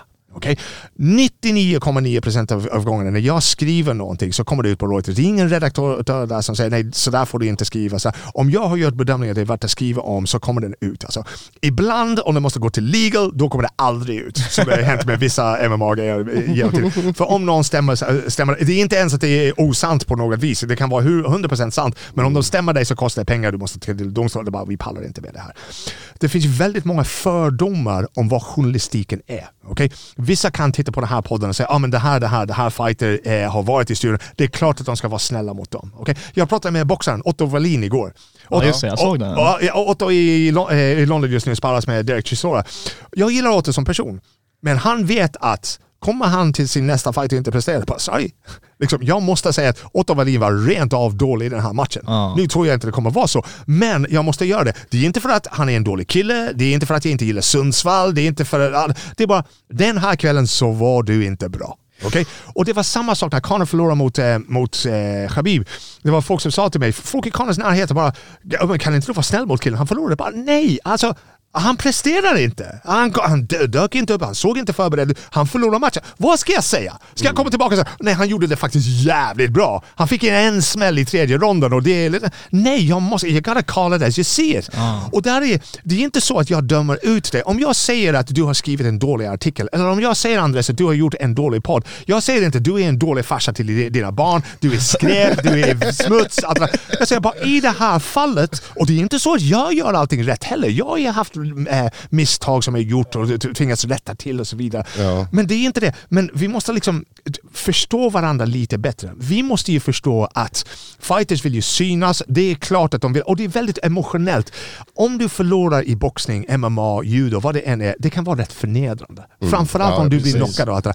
Och vi måste ta hänsyn till det. Det är därför det sällan dras in en förlorare till en presskonferens eller till en red carpet eller mixzone eller någonting sånt. Det förstår jag helt och hållet. Samtidigt som vi kan vara snälla, men vi kan inte backa från det folk har sett. Liksom. Och Ben Askren var ju hur, hur bra som helst av det här. Liksom. Senast, Alltså dyker upp bara måndagen därefter Exakt. och, och own it direkt. Ja, well that sucked. Liksom. Ja. Ja, och, och han sa ju det, det bara okej. Så han gick tillbaka till eh, brottningsmattan med ungdomarna och han säger nu har han vänt på det där till en positiv grej. Det är en unge som kommer och har förlorat på helgen. Bror, jag har varit med om mycket sämre grejer. Alltså. Jag har blivit knockad framför hela världen. Jag har blivit knockad av Jake Paul. Alltså. Vad, vad är det för fel i ditt liv som kan gå jämföras med det här? Liksom? Så på det viset, vi måste vara...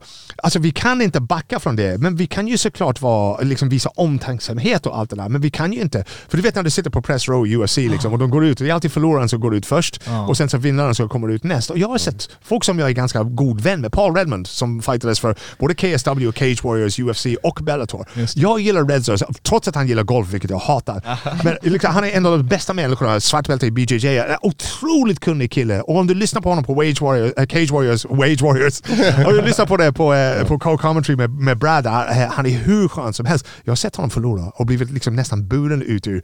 Var det ehm, ah, Magnus, långa killen? Eh, Jycken. Jycken i, i, i ja. Alltså när han gick förbi mig i Belfast när han förlorade på där, alltså, jag, jag nästan grät. Alltså, jag, jag tyckte så synd om honom. Mm. Men sen om man skriver liksom rep- rapporten om hela fighten, det bara ah, Magnus Sedelblad förlorar på knock. Liksom. Det, jag kan inte, jag kan inte säga precis. ah, han var fantastiskt duktig! Nej. Lite olyckligt. Liksom. så på det viset, men jag tror att fighters måste ju också förstå att vi är inte här för oss själva. Vi, vi tar plats där för att alla fans kan inte vara på plats alla svenskar som bor i USA eller, i Australien kan inte vara i Västerås. Liksom. Och vi måste återberätta det vi ser. Vi måste presentera det på bästa möjliga sättet för dem. Vi ska inte lägga in våra värderingar. Okej, om Ben Askren förlorar på knock mot Jorge Masvidal som han gjorde, det är ingen liksom, värdering från mig att säga att det där var en av de sämsta jag någonsin har sett. Alltså en av de hårdaste knockarna. Och att han gjordes till en meme liksom, i det ögonblicket. Okej, det, det är inte min... Det, så, så är det bara. Punkt. Liksom. Så vi gör inte det här här för att vi gillar... Det finns ju fighters som jag absolut ogillar liksom. Jag, jag, hade, jag bråkade med Donald Cerrone en gång i tiden. Det var precis innan... Kommer du ihåg när de gjorde det här? 2016 tror jag var. De gjorde ett försök att, att eh, fixa ett fighters fack, liksom. En fackförening Ah. av fighters. Ja, just det. Och han sa att han skulle rösta på Donald Trump och så står vi där i New Var York. det, var det då när det var det här, äh, vad heter Björn det? Rebney. Ja, ja. och GSP och Och- hela... och- och- hade, de, hade de bara tagit bort Björn Rebney från eh, situationen, hade det varit en helt annan var ballgame. 100% bättre Jag direkt. fattar liksom. inte vem som gjorde den där tabben alltså. Så står vi där, i, det var innan MSG-kortet liksom, och så står vi där i i linje liksom. Det var någon som var framför mig, så då var de klara. Jag bara Donald, I have some questions here. Liksom. Bara, Hur kan du vara för ett fack, men, eh, sorry, för Donald Trump, men också för ett fack? Liksom, för han är mest anti-fack-människa som finns. Ja. Jag bara, får jag inte vara det? Det sa inte jag, sa jag. Du får vara vad du vill, men du måste förklara det för mig. Och killen, eh, Nile McGrath som hade Talking Brawls med PT förut, han står bakom mig. Han bara, bror han kommer slå dig på käften. Det är sant. Jag bara, kan inte du släppa den? Nile, I'm working here. Liksom. Och så hade vi, vi hade en ganska bra diskussion fram och tillbaka. Jag bara, Okej, jag vill bara att du förklarar för mig hur du tänker när du kan vara pro Donald Trump men också pro fack. För de där två grejerna går inte ihop. Nej, precis. Och Cerrone blev ganska arg, sen insåg han och sen så hade vi ett ganska bra samtal efteråt. Och det är inte så att liksom, jag, han ogillar säkert mig efter det här för han tyckte det var jobbigt. Men jag ogillar inte honom för det. Det finns ju vissa som jag vet är lite vidriga. Jag vet att de har gjort saker vid sidan av fighting och allt det där som jag inte kan stå för. Och jag tycker att de, de ska stå för det själva och liksom gott göra det. Men det är inte så att jag skriver inte annorlunda om dem heller. Liksom. Och skulle Colby Covington vinna liksom, ett välterviktsbälte eller någonting sånt så kommer jag vara så positiv som möjligt och, och liksom uppskatta den prestationen. Men det betyder inte att jag ska hem till eh, killen på middag eller någonting sånt och diskutera politik. Precis. Så på det viset så tror jag att fighters måste förstå våran roll i, i det hela. Liksom att vi är faktiskt där och vi är 99% av tiden så är vi faktiskt positiva. Liksom, för vi vill lyfta den här sporten. Och framförallt ni som har varit med, liksom, och jag har ju en stor nyhetsbyrå bakom mig som betalar kostnader och så vidare när jag ska resa. Men ni som har gjort det här för kärlekens skull från början. Det är bara, hur fan kan folk ifrågasätta att ni vill någonting annat än det bästa för sporten. Ja, det, det har jag inte jag. Nej. Hur kan man ifrågasätta Ariel Hawani som kom ner från, från Kanada och byggt upp ett imperium på egen hand? Liksom? Hur, kan, hur kan du fråga eh, P.T. Carroll som intervjuade Conor innan han ens hade gått en match och Conor hade sagt att jag ska bli världsmästare. Hur kan du ifrågasätta deras commitment? Hur kan du ifrågasätta deras ställning till det här? Och dessutom utbildade journalister som vet hur det här görs. Man har så många samtal med dig och med Johan och med Tobias och med P.T. Det är bara okej, har jag på fötterna när jag skriver det här? Är jag orättvis? Det är det här folk inte vet. Alltså WhatsApp går ju varmt hela dagarna när vi skriver bara. För folk vill inte skada en karriär heller. Du vill inte hänga ut någon eller säga någonting. Oh, det här ska möta det där eller hon har blivit skadad eller han, he's pissed hard, whatever. Liksom. Så vi vill inte göra de här grejerna. Så det är väldigt många diskussioner och jag önskar att det fanns liksom, och den här podden kanske är den plattformen vi behöver för att ha de här diskussionerna. Och vet du, den fighter eller den manager eller den tränare som sitter där ute, ta kontakt med dig. Gå in att Philip O'Connor på Twitter, skicka ett DM till mig. Jag pratar hur länge som helst tills du har fått svar på alla dina frågor om vad journalistiken i MMA och sport ska vara. Jag kan inte garantera att det alltid blir så, men jag finns tillgänglig om du vill diskutera de här grejerna. För det är mitt bidrag till att göra det här bättre för alla. För i slutändan, det vi vill ha för svensk MMA, eller för global MMA, är att alla ska få ut lika mycket som vi har fått ut av den här sporten. Och där ställer jag gärna upp, för jag är för gammal för att bli proffs. Ja, vad underbart att höra, för det är exakt så jag tänker också. Alltså, jag har gjort den här podden för att lyfta upp fighters. Jag har lyft upp den här frågan att fighters inte tjänar tillräckligt i Sverige och det är några som inte har gillat det. Men det är det här, det är det här och det är kul att vi får träffa dig idag för att det, du säger, du förvaltar det här så bra. Så jag, jag sitter bara och lyssnar men jag njuter av att höra dig. Så jag kanske inte sagt så mycket i det här avsnittet men jag bara njuter. Det här är musik för, för mig. Alltså. Philip Jag O'Connor show alltså. Jag, jag, vill, att- jag, klippa bort sig själv nu, eller vad fan? jag vill ha det här varje vecka. Nej men det är det, man måste våga, alltså för att det där är, man, som jag sa till dig ibland, jag tar emot lite käftsmällar här och där också, men man, man måste våga trampa på lite tår också, inte för att man vill utan för att det är det jag går efter motto, rätt ska vara rätt och jag säger inte att jag alltid gör rätt och det har funnits tillfällen i min, jag menar jag började som 18-åring, learning by doing, learning on the fly, ingen journalistikutbildning och liknande. Eh, Så att man har ju fått växa med eh, jobbet och, med branschen och allting. Eh, Och det finns ett tillfälle när man reflekterar bakåt i tiden och det har skett att jag har reflekterat, kommit, kom till Jesus moment liksom. Ah. Och bara fan, jag ber om ursäkt det här, för jag trodde det var rätt vid tillfället att göra så. Men nu när vad jag har lärt mig så har, det liksom, har jag också blivit bättre och, och, och, breddat mitt perspektiv. Eh, Men samtidigt, man måste våga gå på de känsliga frågorna därför det är det som riktiga journalist, journalister gör i resten av sportvärlden. Och sen lever vi ibland en liten bubbla här när vi ska vara fans och promoters och allting och bara höja upp och inte liksom säga något negativt. Därför jag säger också att Ariel är det, bä- det, den bästa enligt mig intervjuaren across the board egentligen. Därför att det finns ibland, det kan också vara, inte så politiska frågor utan eh, det kan vara också rent personligt känsliga saker som man vet att det här kommer vara känsligt att gå in på. Och du kan ta den säkra, lite fegare vägen och undvika och, och jobba runt frågan. Eller så kan du vara tillräckligt eloquent för att liksom toucha precis rätt på den. Och det kan bli lite tårar, det kan bli lite emotional, men det blir också de här kraftfulla ögonblicken som jag tror i många fall intervjupersonen, även om du hade frågat i förväg, är det lugnt om jag pratar med här? Han kanske hade sagt nej, helst inte. Ja. Men om du bara gör det och du gör det på ett respektfullt med rätt sätt och du touchar precis rätt, då tror jag att den kommer uppskatta det själv. Eh, Eh, till exempel, jag snackar med många vänner om jag skiter fullständigt i WWE, kunde inte bry mig mindre liksom. Du vet.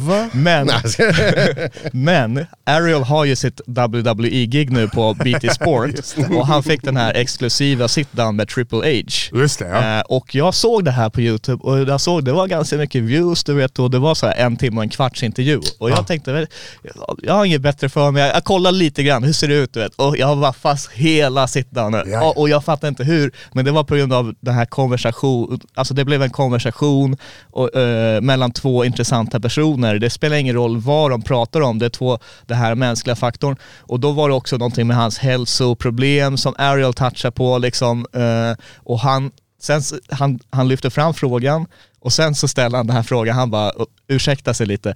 Jag vill, blir nästan obekväm och men jag måste fråga, var det en stund där du trodde du skulle dö? Typ? Han sa, på- fast på sitt sätt liksom. Och då kom det lite tårar från den här stenhårda Triple H-snubben.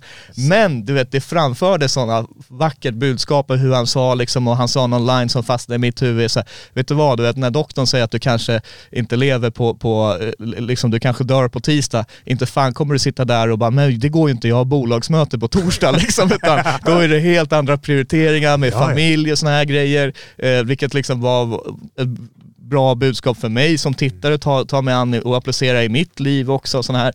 Så att vi, vi skapar ju ibland de här magiska ögonblicken om man vågar på ett res- respektfullt sätt, Mm. men göra sitt jobb hela vägen ut. Liksom. Men jag tror det är magin i journalistiken, i podcasting och rent allmänt. Det, finns, det här är lite left field nu, men det finns en kille som heter Johan Hari. Hari var ju en journalist på The Independent i, i England och det kom på att han hade liksom lånat citat från olika intervjuer och startade och det där var mitt verk. Liksom, så han blev sparken för det. Man skrev två böcker och den andra boken var ju väldigt bra. Det, det handlar om beroende av knark och allt det där, för det var han också. Men han sa liksom, han hade intervjuat en massa folk som, om AA och alla de här grejerna och han kom fram till alltså att motsa eh, eller motsatsen till att vara beroende på någonting är inte att vara nykter. Alltså motsatsen till beroende är connection. okej? Ett beroende, en kille, en rockstjärna som gick på heroin ett bra tag, jag kommer ihåg att han sa till mig en gång, första gången han tog heroin så kändes det som han hade ett hål inuti sig som fylldes för första gången i sitt liv. Då var han fast. Och när jag kopplar de där två berättelserna tillsammans, om vi kan fylla det här, den här luckan i oss, den här liksom behovet av connection med andra. Och det är det vi får ut av det här. Det här samtalet som vi har, det som folk lyssnar på. Jag vill ju alltid att den som sitter i bilen nu eller är på gymmet nu eller på väg hem från sparringpasset på Poseidon, att de ska känna sig som, de sitter här i den här tomma stolen som är till vänster om mig nu, fast de får inte säga någonting. Och det är det connection som vi måste försöka skapa via journalistiken, via det vi gör i buren. Liksom. Det är det vi försöker göra hela tiden, är att connecta med varandra. Och på det viset så blir det ett utbyte och det är därför jag får så mycket ut av att vara här idag med dig Andres. Och av att vara alla de ställen vi har varit på, Asha. För att den connection är ju livet. Liksom. No man is an island, no woman is an island. Vi lever inte enskilda, förutom ja, någon enstaka ute i bussen här i Sverige. Liksom. Men för de, för de flesta, vi vill ha den här connection. Men vi är också fruktansvärt rädda. För vi måste vara sårbara när vi skapar de här connections. Bara okej, jag kommer öppna upp mig till dig nu. Du kan använda det här emot mig. Absolut. Ariel Helwani kan sitta där och bara slakta killen. Och vilken jävla bitch som sitter här och grinar om den gången han nästan dog. Han är miljonär, vad fan grinar han om? Han gör inte det. Han gör det på ett känsligt sätt och liksom, med lite medmänsklighet. Och när vi går in i allt vi gör på det viset, då blir det plötsligt lite annat. Okay? Om du sårar mig, om jag öppnar upp mig och du sårar mig, om vi jag kanske inte släpper in dig igen. Men ju mer vi vågar, vi blir ju tuffare, huden blir ju tjockare med tiden, så vi blir ju lite tuffare. Ju mer connections du har, desto mindre behov har du av fler. Det finns ju alltid plats. Men om du sviker mig eller använder de här grejerna emot mig, jag kanske inte släpper in det igen. Du kanske får hitta din connections någon annanstans. Men allt det här, det, det, det, jag är så otroligt lycklig över att vara här idag. För idag är det folk som lyssnar på den här podden som aldrig har hört min röst förut. Som inte vet vem jag är. Och någon kanske skickar ett DM till mig eller uppskattar mig någonting på Twitter. Eller som har hört någonting här och kanske tar någonting positivt från det. Det är ytterligare en connection. Det kanske blir en jättestark connection som en kille som heter Ville Murtakangas som du ser på Twitter ibland. Han är från Borlänge, precis börjat jobba i Stockholm. Vi har ju tuggat MMA hur länge som helst på Twitter. Jag har fortfarande inte träffat killen i verkligheten. Men jag gillar honom, jag gillar att tugga med honom. Och alla de här connections som vi har med lyssnarna, med fighters, med Ariel, med Daniel Cormier, till och med med Dana White när jag inte fucking svarar på mina sms.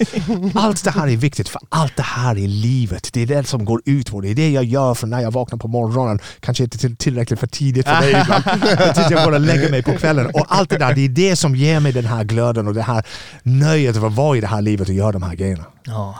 Nej gud, det där är powerful shit alltså. Och det, jag vet alltså. inte hur länge vi har poddat, det, det känns som att jag har en miljon frågor kvar. Eh, Det, Det känns som vi är bara halvvägs här. Ja men typ. Alltså, det känns som att vi måste göra del två, del tre. ja men typ. Alltså. Det är bara att säga till. Jag sparras varje lördag. Du bor ju nära så jag hämtar dig. Det är bara att ringa och säga jag här direkt. ja. Jag, jag vill ju lyfta lite andra eh, sidoprojekt och grejer som du håller på med. Först tänkte jag bara eh, lyfta en grej, för det har inte ens vi snackat om, men det dök upp någon gång när jag bara sökte på ditt namn och så hittade jag Svenska Spel journaliststipendium 2020 tror jag det var. Just det. Och då snack, det går in lite i vad vi snackade tidigare. Eh, kan du bara berätta snabbt om, om den här grejen, hur, hur liksom, för att det var någonting med norska damlandslaget. Just det, 2019 på eh, dam-VM i fotbollen i Frankrike så jobbade jag med det da, eh, eh, norska damlandslaget och jag var deras Fifa digital producent. Liksom. Så jag skulle gå runt och skapa content, skriva artiklar, göra intervjuer och allt det här. Och jag gjorde samma jobb för dem i somras där i EM. Liksom. Men när jag såg hur öppna de var och hur beredda de var att bjuda på sig själva och de fattade själva att det här är liksom en minoritetssport egentligen. Damfotbollen hade inte slagit igenom globalt sett så som Nej, det var gjort det senaste året. Liksom.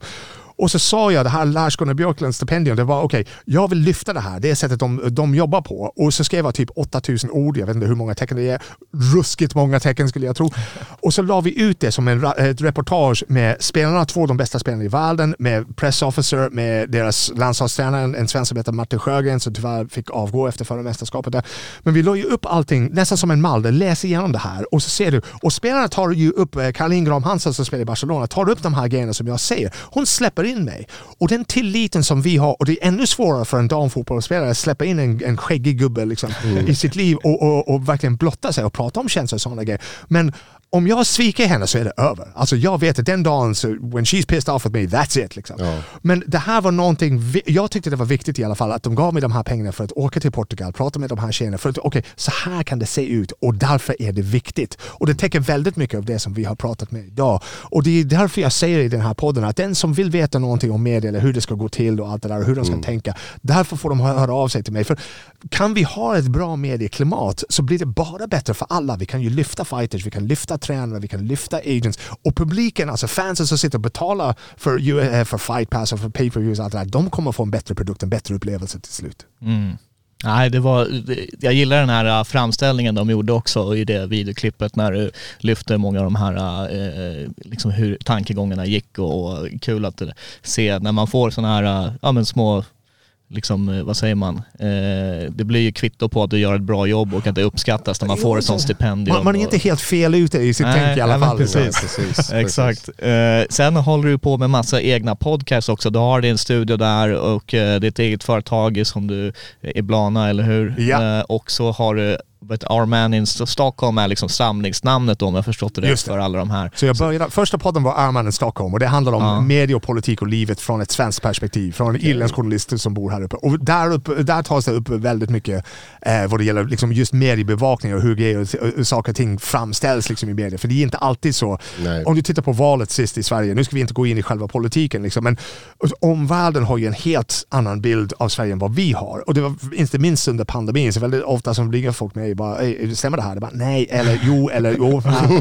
kanske. Hur, många, hur lång tid har du? Så, Ja, så sen så började jag med det. Sen har vi typ mellan 3 och 3500 irländare i Sverige. Så Ja. dum som jag är så lanserade jag en podd för dem som olyckligtvis blev väldigt framgångsrik. Så nu måste jag göra det varje fucking vecka. Liksom. Är det så? Ja men det är skitkul! Men det här med- en publik på 3500, det är typ 300-400 som lyssnar varje vecka. Och de är som frälsta, de älskar det. Så jag kan Ja. inte svika dem. Irish in Sweden. Podcast. Irish in Sweden podcast där ja. Så vi har haft Schysst. Zach Elbouzedi som spelar fotboll där och Kevin D- Walker. där får du bra stöd via Patreon och liknande för att Exakt, vidare. jag har ju patreon.com forward slash Stockholm folk kommer in. Men sen, alltså det här är ju liksom, man är både smart och jättedum ibland av det. Så jag kom på att vänta nu, det finns ju 3000 irländare i Sverige, det gör en podd för dem. Det finns 70 miljoner med irländskt påbrå runt om i världen. Ja, absolut. Så kom jag på att jag ska göra en podd för dem. Men ni som jobbar i den här branschen, Vad heter, alltså, vad heter den podden? den heter The Global Gale. Ja, just Okej, det. så- Ja, det senaste tillskottet där. Det senaste tillskottet i poddutbudet. Liksom. Men grejen är att eh, ni vet ju själva, när du startar en sån grej, det kan vara, idén kan vara hur bra som helst. Ja. Men varje subscriber du ska få in, varje person som ska prenumerera, allt det, det är krig. Det är krig för varenda en. Alltså. Oh. Och nu, men sen kommer det till, eh, det kallas för the tipping point. Liksom, när du har kommit upp till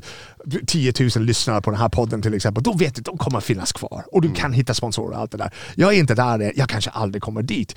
Men när du tror på, på någonting som du tror på, eh, på Frankrike och som du tror på Käftsmällspodden Andres, du kan inte släppa det. För jag gör inte de här grejerna för pengar. Jag skulle jättegärna göra, liksom, tjäna 100 000 i månaden på det här. Men även om jag inte gör det så jag kan inte hålla käften. Ni har hört det här senaste, hur länge har vi suttit här? Två timmar? Så jag fortfarande försöker ställa en fråga, men jag, jag tror Han har inte fått in än! Liksom. Det här är som att boxas mot Mayweather, du får inte någonting av mig. Men, men jag gör inte det här för pengarnas skull. Och, och ju fler, och idén för The Global Gale var ju, alltså kort och gott, there's no such thing as an ordinary Irish person abroad. Och det är liksom, det finns ingen genomsnittlig. Alla har ju sjukaste berättelser om hur de hamnade i Sydney eller San Francisco eller Stockholm för den delen. Jag tänkte, jag kan prata med vem som helst och så får jag fram de här berättelserna. Och det är säkert samma för svenskar som bor i, utomlands och, de som bor i Sverige också. Det återgår hela tiden till, du vet det här, alla har en bok i sig och de flesta borde lämna det kvar där. Alltså. Men alla har ju en berättelse och börjar, det är som att skala lök liksom. Det är så, ju, ju fler, det finns ju nivå på nivå Ja, på nivå. precis. Så gråter man lite på slutet också. Så det är de här grejerna som... Visst är det så?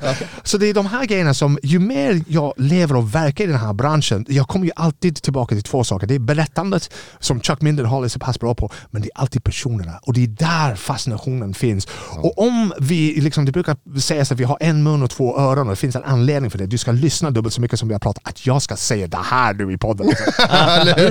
Men kan du göra det? Kan du bara stänga av munnen ett tag och bara lyssna?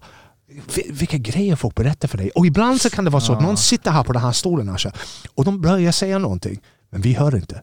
Och vi släpper och det går förbi. Men det kanske är Triple H-momentet som Ariel Hawani hade. Okej, det låter som han är beredd att berätta någonting för mig nu. Och så öppnar de upp sig. Och sen helt plötsligt så skapas den magin som är journalistiken, som är podcasting, när den är på riktigt, när den är real och när den är som mest ärlig. Och vet du, det kanske händer två gånger på året. Det kan finnas fem gånger på året. Men kan vi få till det där bara de gångerna, då är det värt att fortsätta oavsett hur mycket pengar man tjänar på det. 100 procent och det är det som är min favoritaspekt av hela det här yrket eller vad man nu ska kalla det som man håller på med. Liksom, det är ju eh, det finns massor roliga grejer och upplevelser och sånt vi har pratat här men just det här connection med människan som man och just intervjutillfällen när man får de här long form conversations och man sitter och, och i de stunderna, jag kan vara liksom en, en glappkäft i, i privata livet och eh, behöver jobba på kanske släppa fram andra och prata och sånt där. Men just när det kommer där, då är ju mitt jobb att den ska få fram sin berättelse. Hur jag ställer mina frågor, hur jag låter eller vad jag använder för det, det är oväsentligt. Det enda som mitt jobb är att bygga en brygga och en plattform för den här personen att släppa fram och skapa den här magin tillsammans. Och när man gör det, det, det finns ingen bättre känsla i, Nej, i men världen. det är det som, som alltså, första gången jag träffade dig eller hörde talas om dig så insåg jag ganska snabbt att du var en av dem som stack ut i den här branschen. För du vet, det är väldigt många som kommer ut och det, jag älskar när jag kommer in i studion idag, det finns inte ett papper på bordet här. Okej? Det Nej, ingen- nej för fan. Nej, nej, det finns ingenting uppskrivet. Jag har sett folk som står där liksom, med mobilen och de läser sina, eh, sina frågor. Ja, jag började så också. Ja, liksom. men, men de, Det, det funkar ju inte. Nej, de, men de lyssnar inte på svaren. Nej, och ibland, precis. Du vet när du står i kö för att intervjua någon fighter, du står nära där ifall att någon annan tänker sno din plats. Liksom. Du, så, och du ser att de inte lyssnar. Och sen så får du, jag fimpar mina frågor. Okej, den här tjejen har ju ställt det här, det här.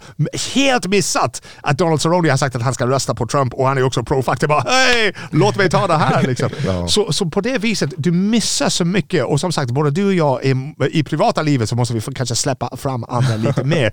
Jag, jag, jag mår inte alls dåligt över det idag, för det är ni som, Nej, nej, som bjöd hit Det mig. det som är. Jävla snackpåsar. men, men man tar den till det tillfället, men när det är dags för andra att göra det där och bara det var, någonting, var det, eh, det var någon politiker ute i Norrtälje och det var en kille från SVT som ställde en fråga och politikern svarade inte på typ 28 Är det, är det den moderaten som Ja, står exakt. och Ja. Och, och det där, det är en jävla begåvning liksom. Bara stå där.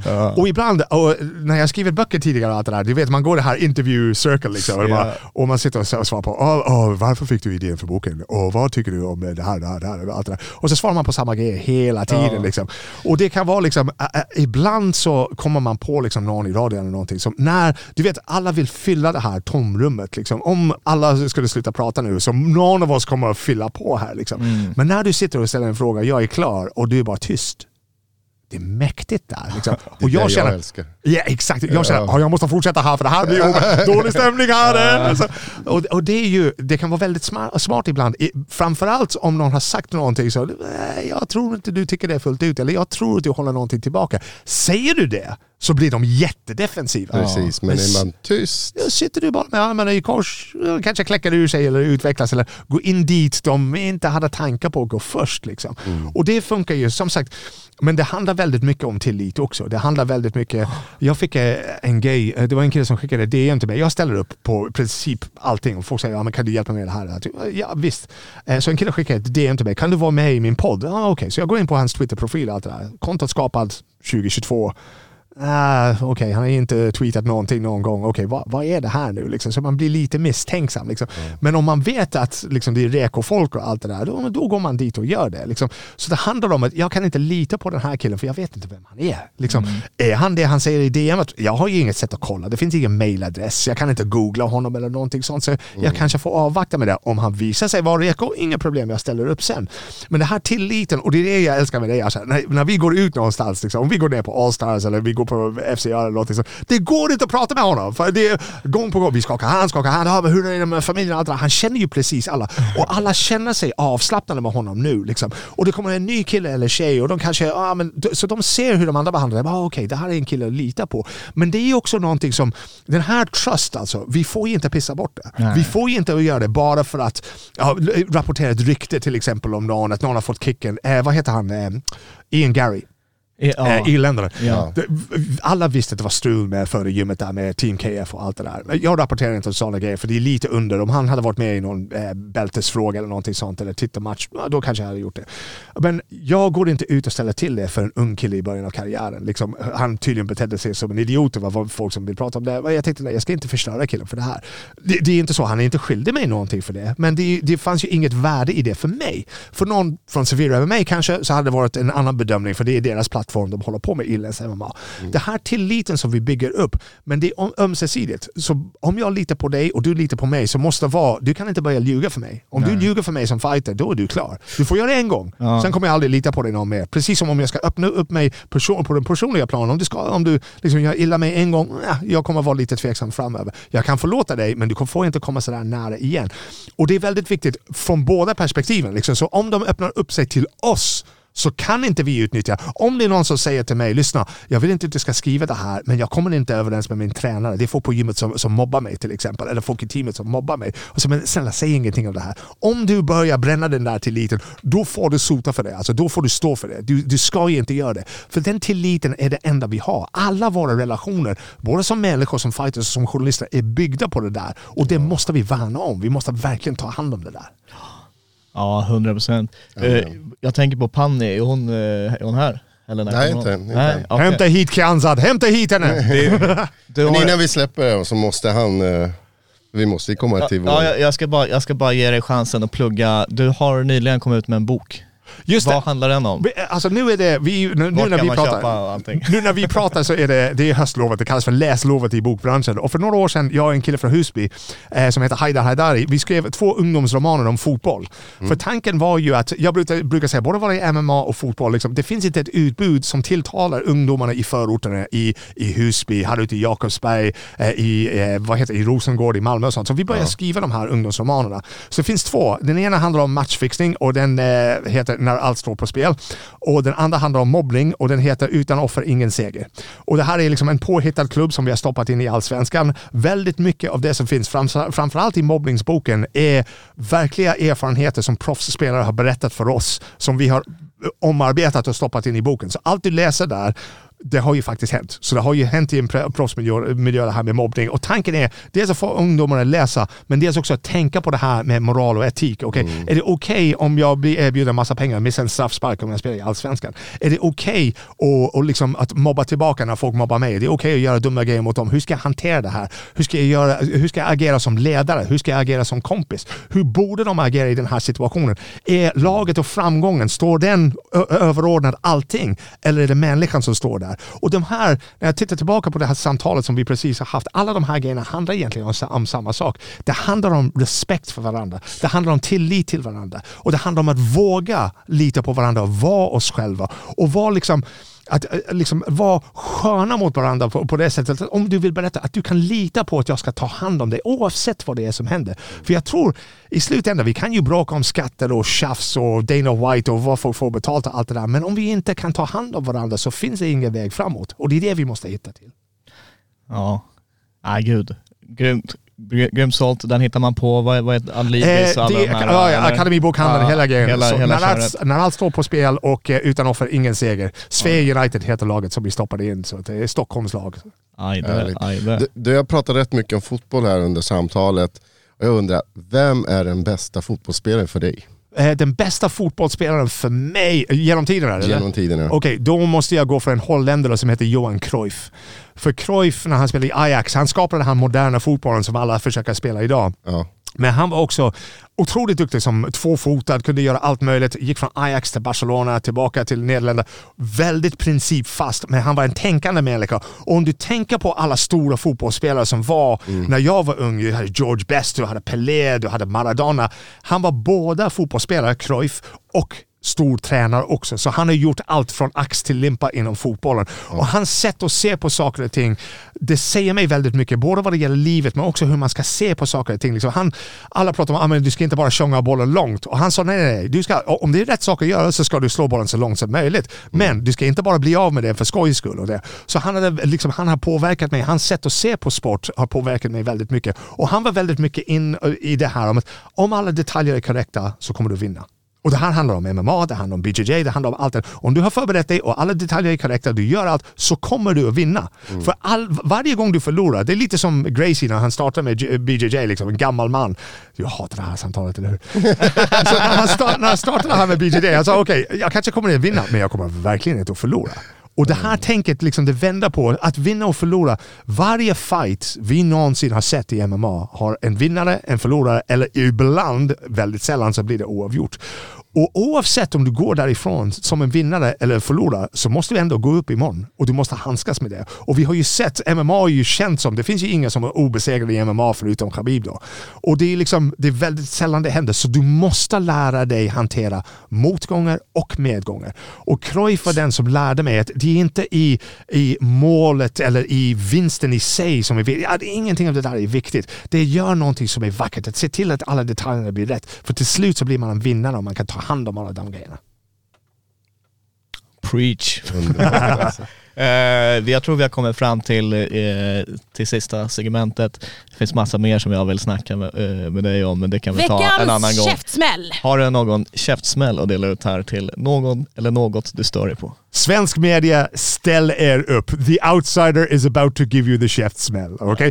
Bara för att ni inte gillar MMA betyder inte det att era läsare eller tittare eller lyssnare inte gillar MMA. Prata med någon som inte bor på Kungsholmen eller som inte bor på Söder så kommer ni faktiskt att se att MMA är en väldigt, väldigt stor sport och att den gör väldigt mycket och ger väldigt mycket till väldigt många. Så ta er ut, lär er hur man brottas, hur man slår varandra på käften, hur man delar ut lite käftsmällar. Ni kan komma hit och ge mig en käftsmäll om ni vill, men börja täcka sporten och gör det ordentligt. Tack! Och anställ gärna Andreas och Asha när ni ska göra det. Ah, fuck you broder.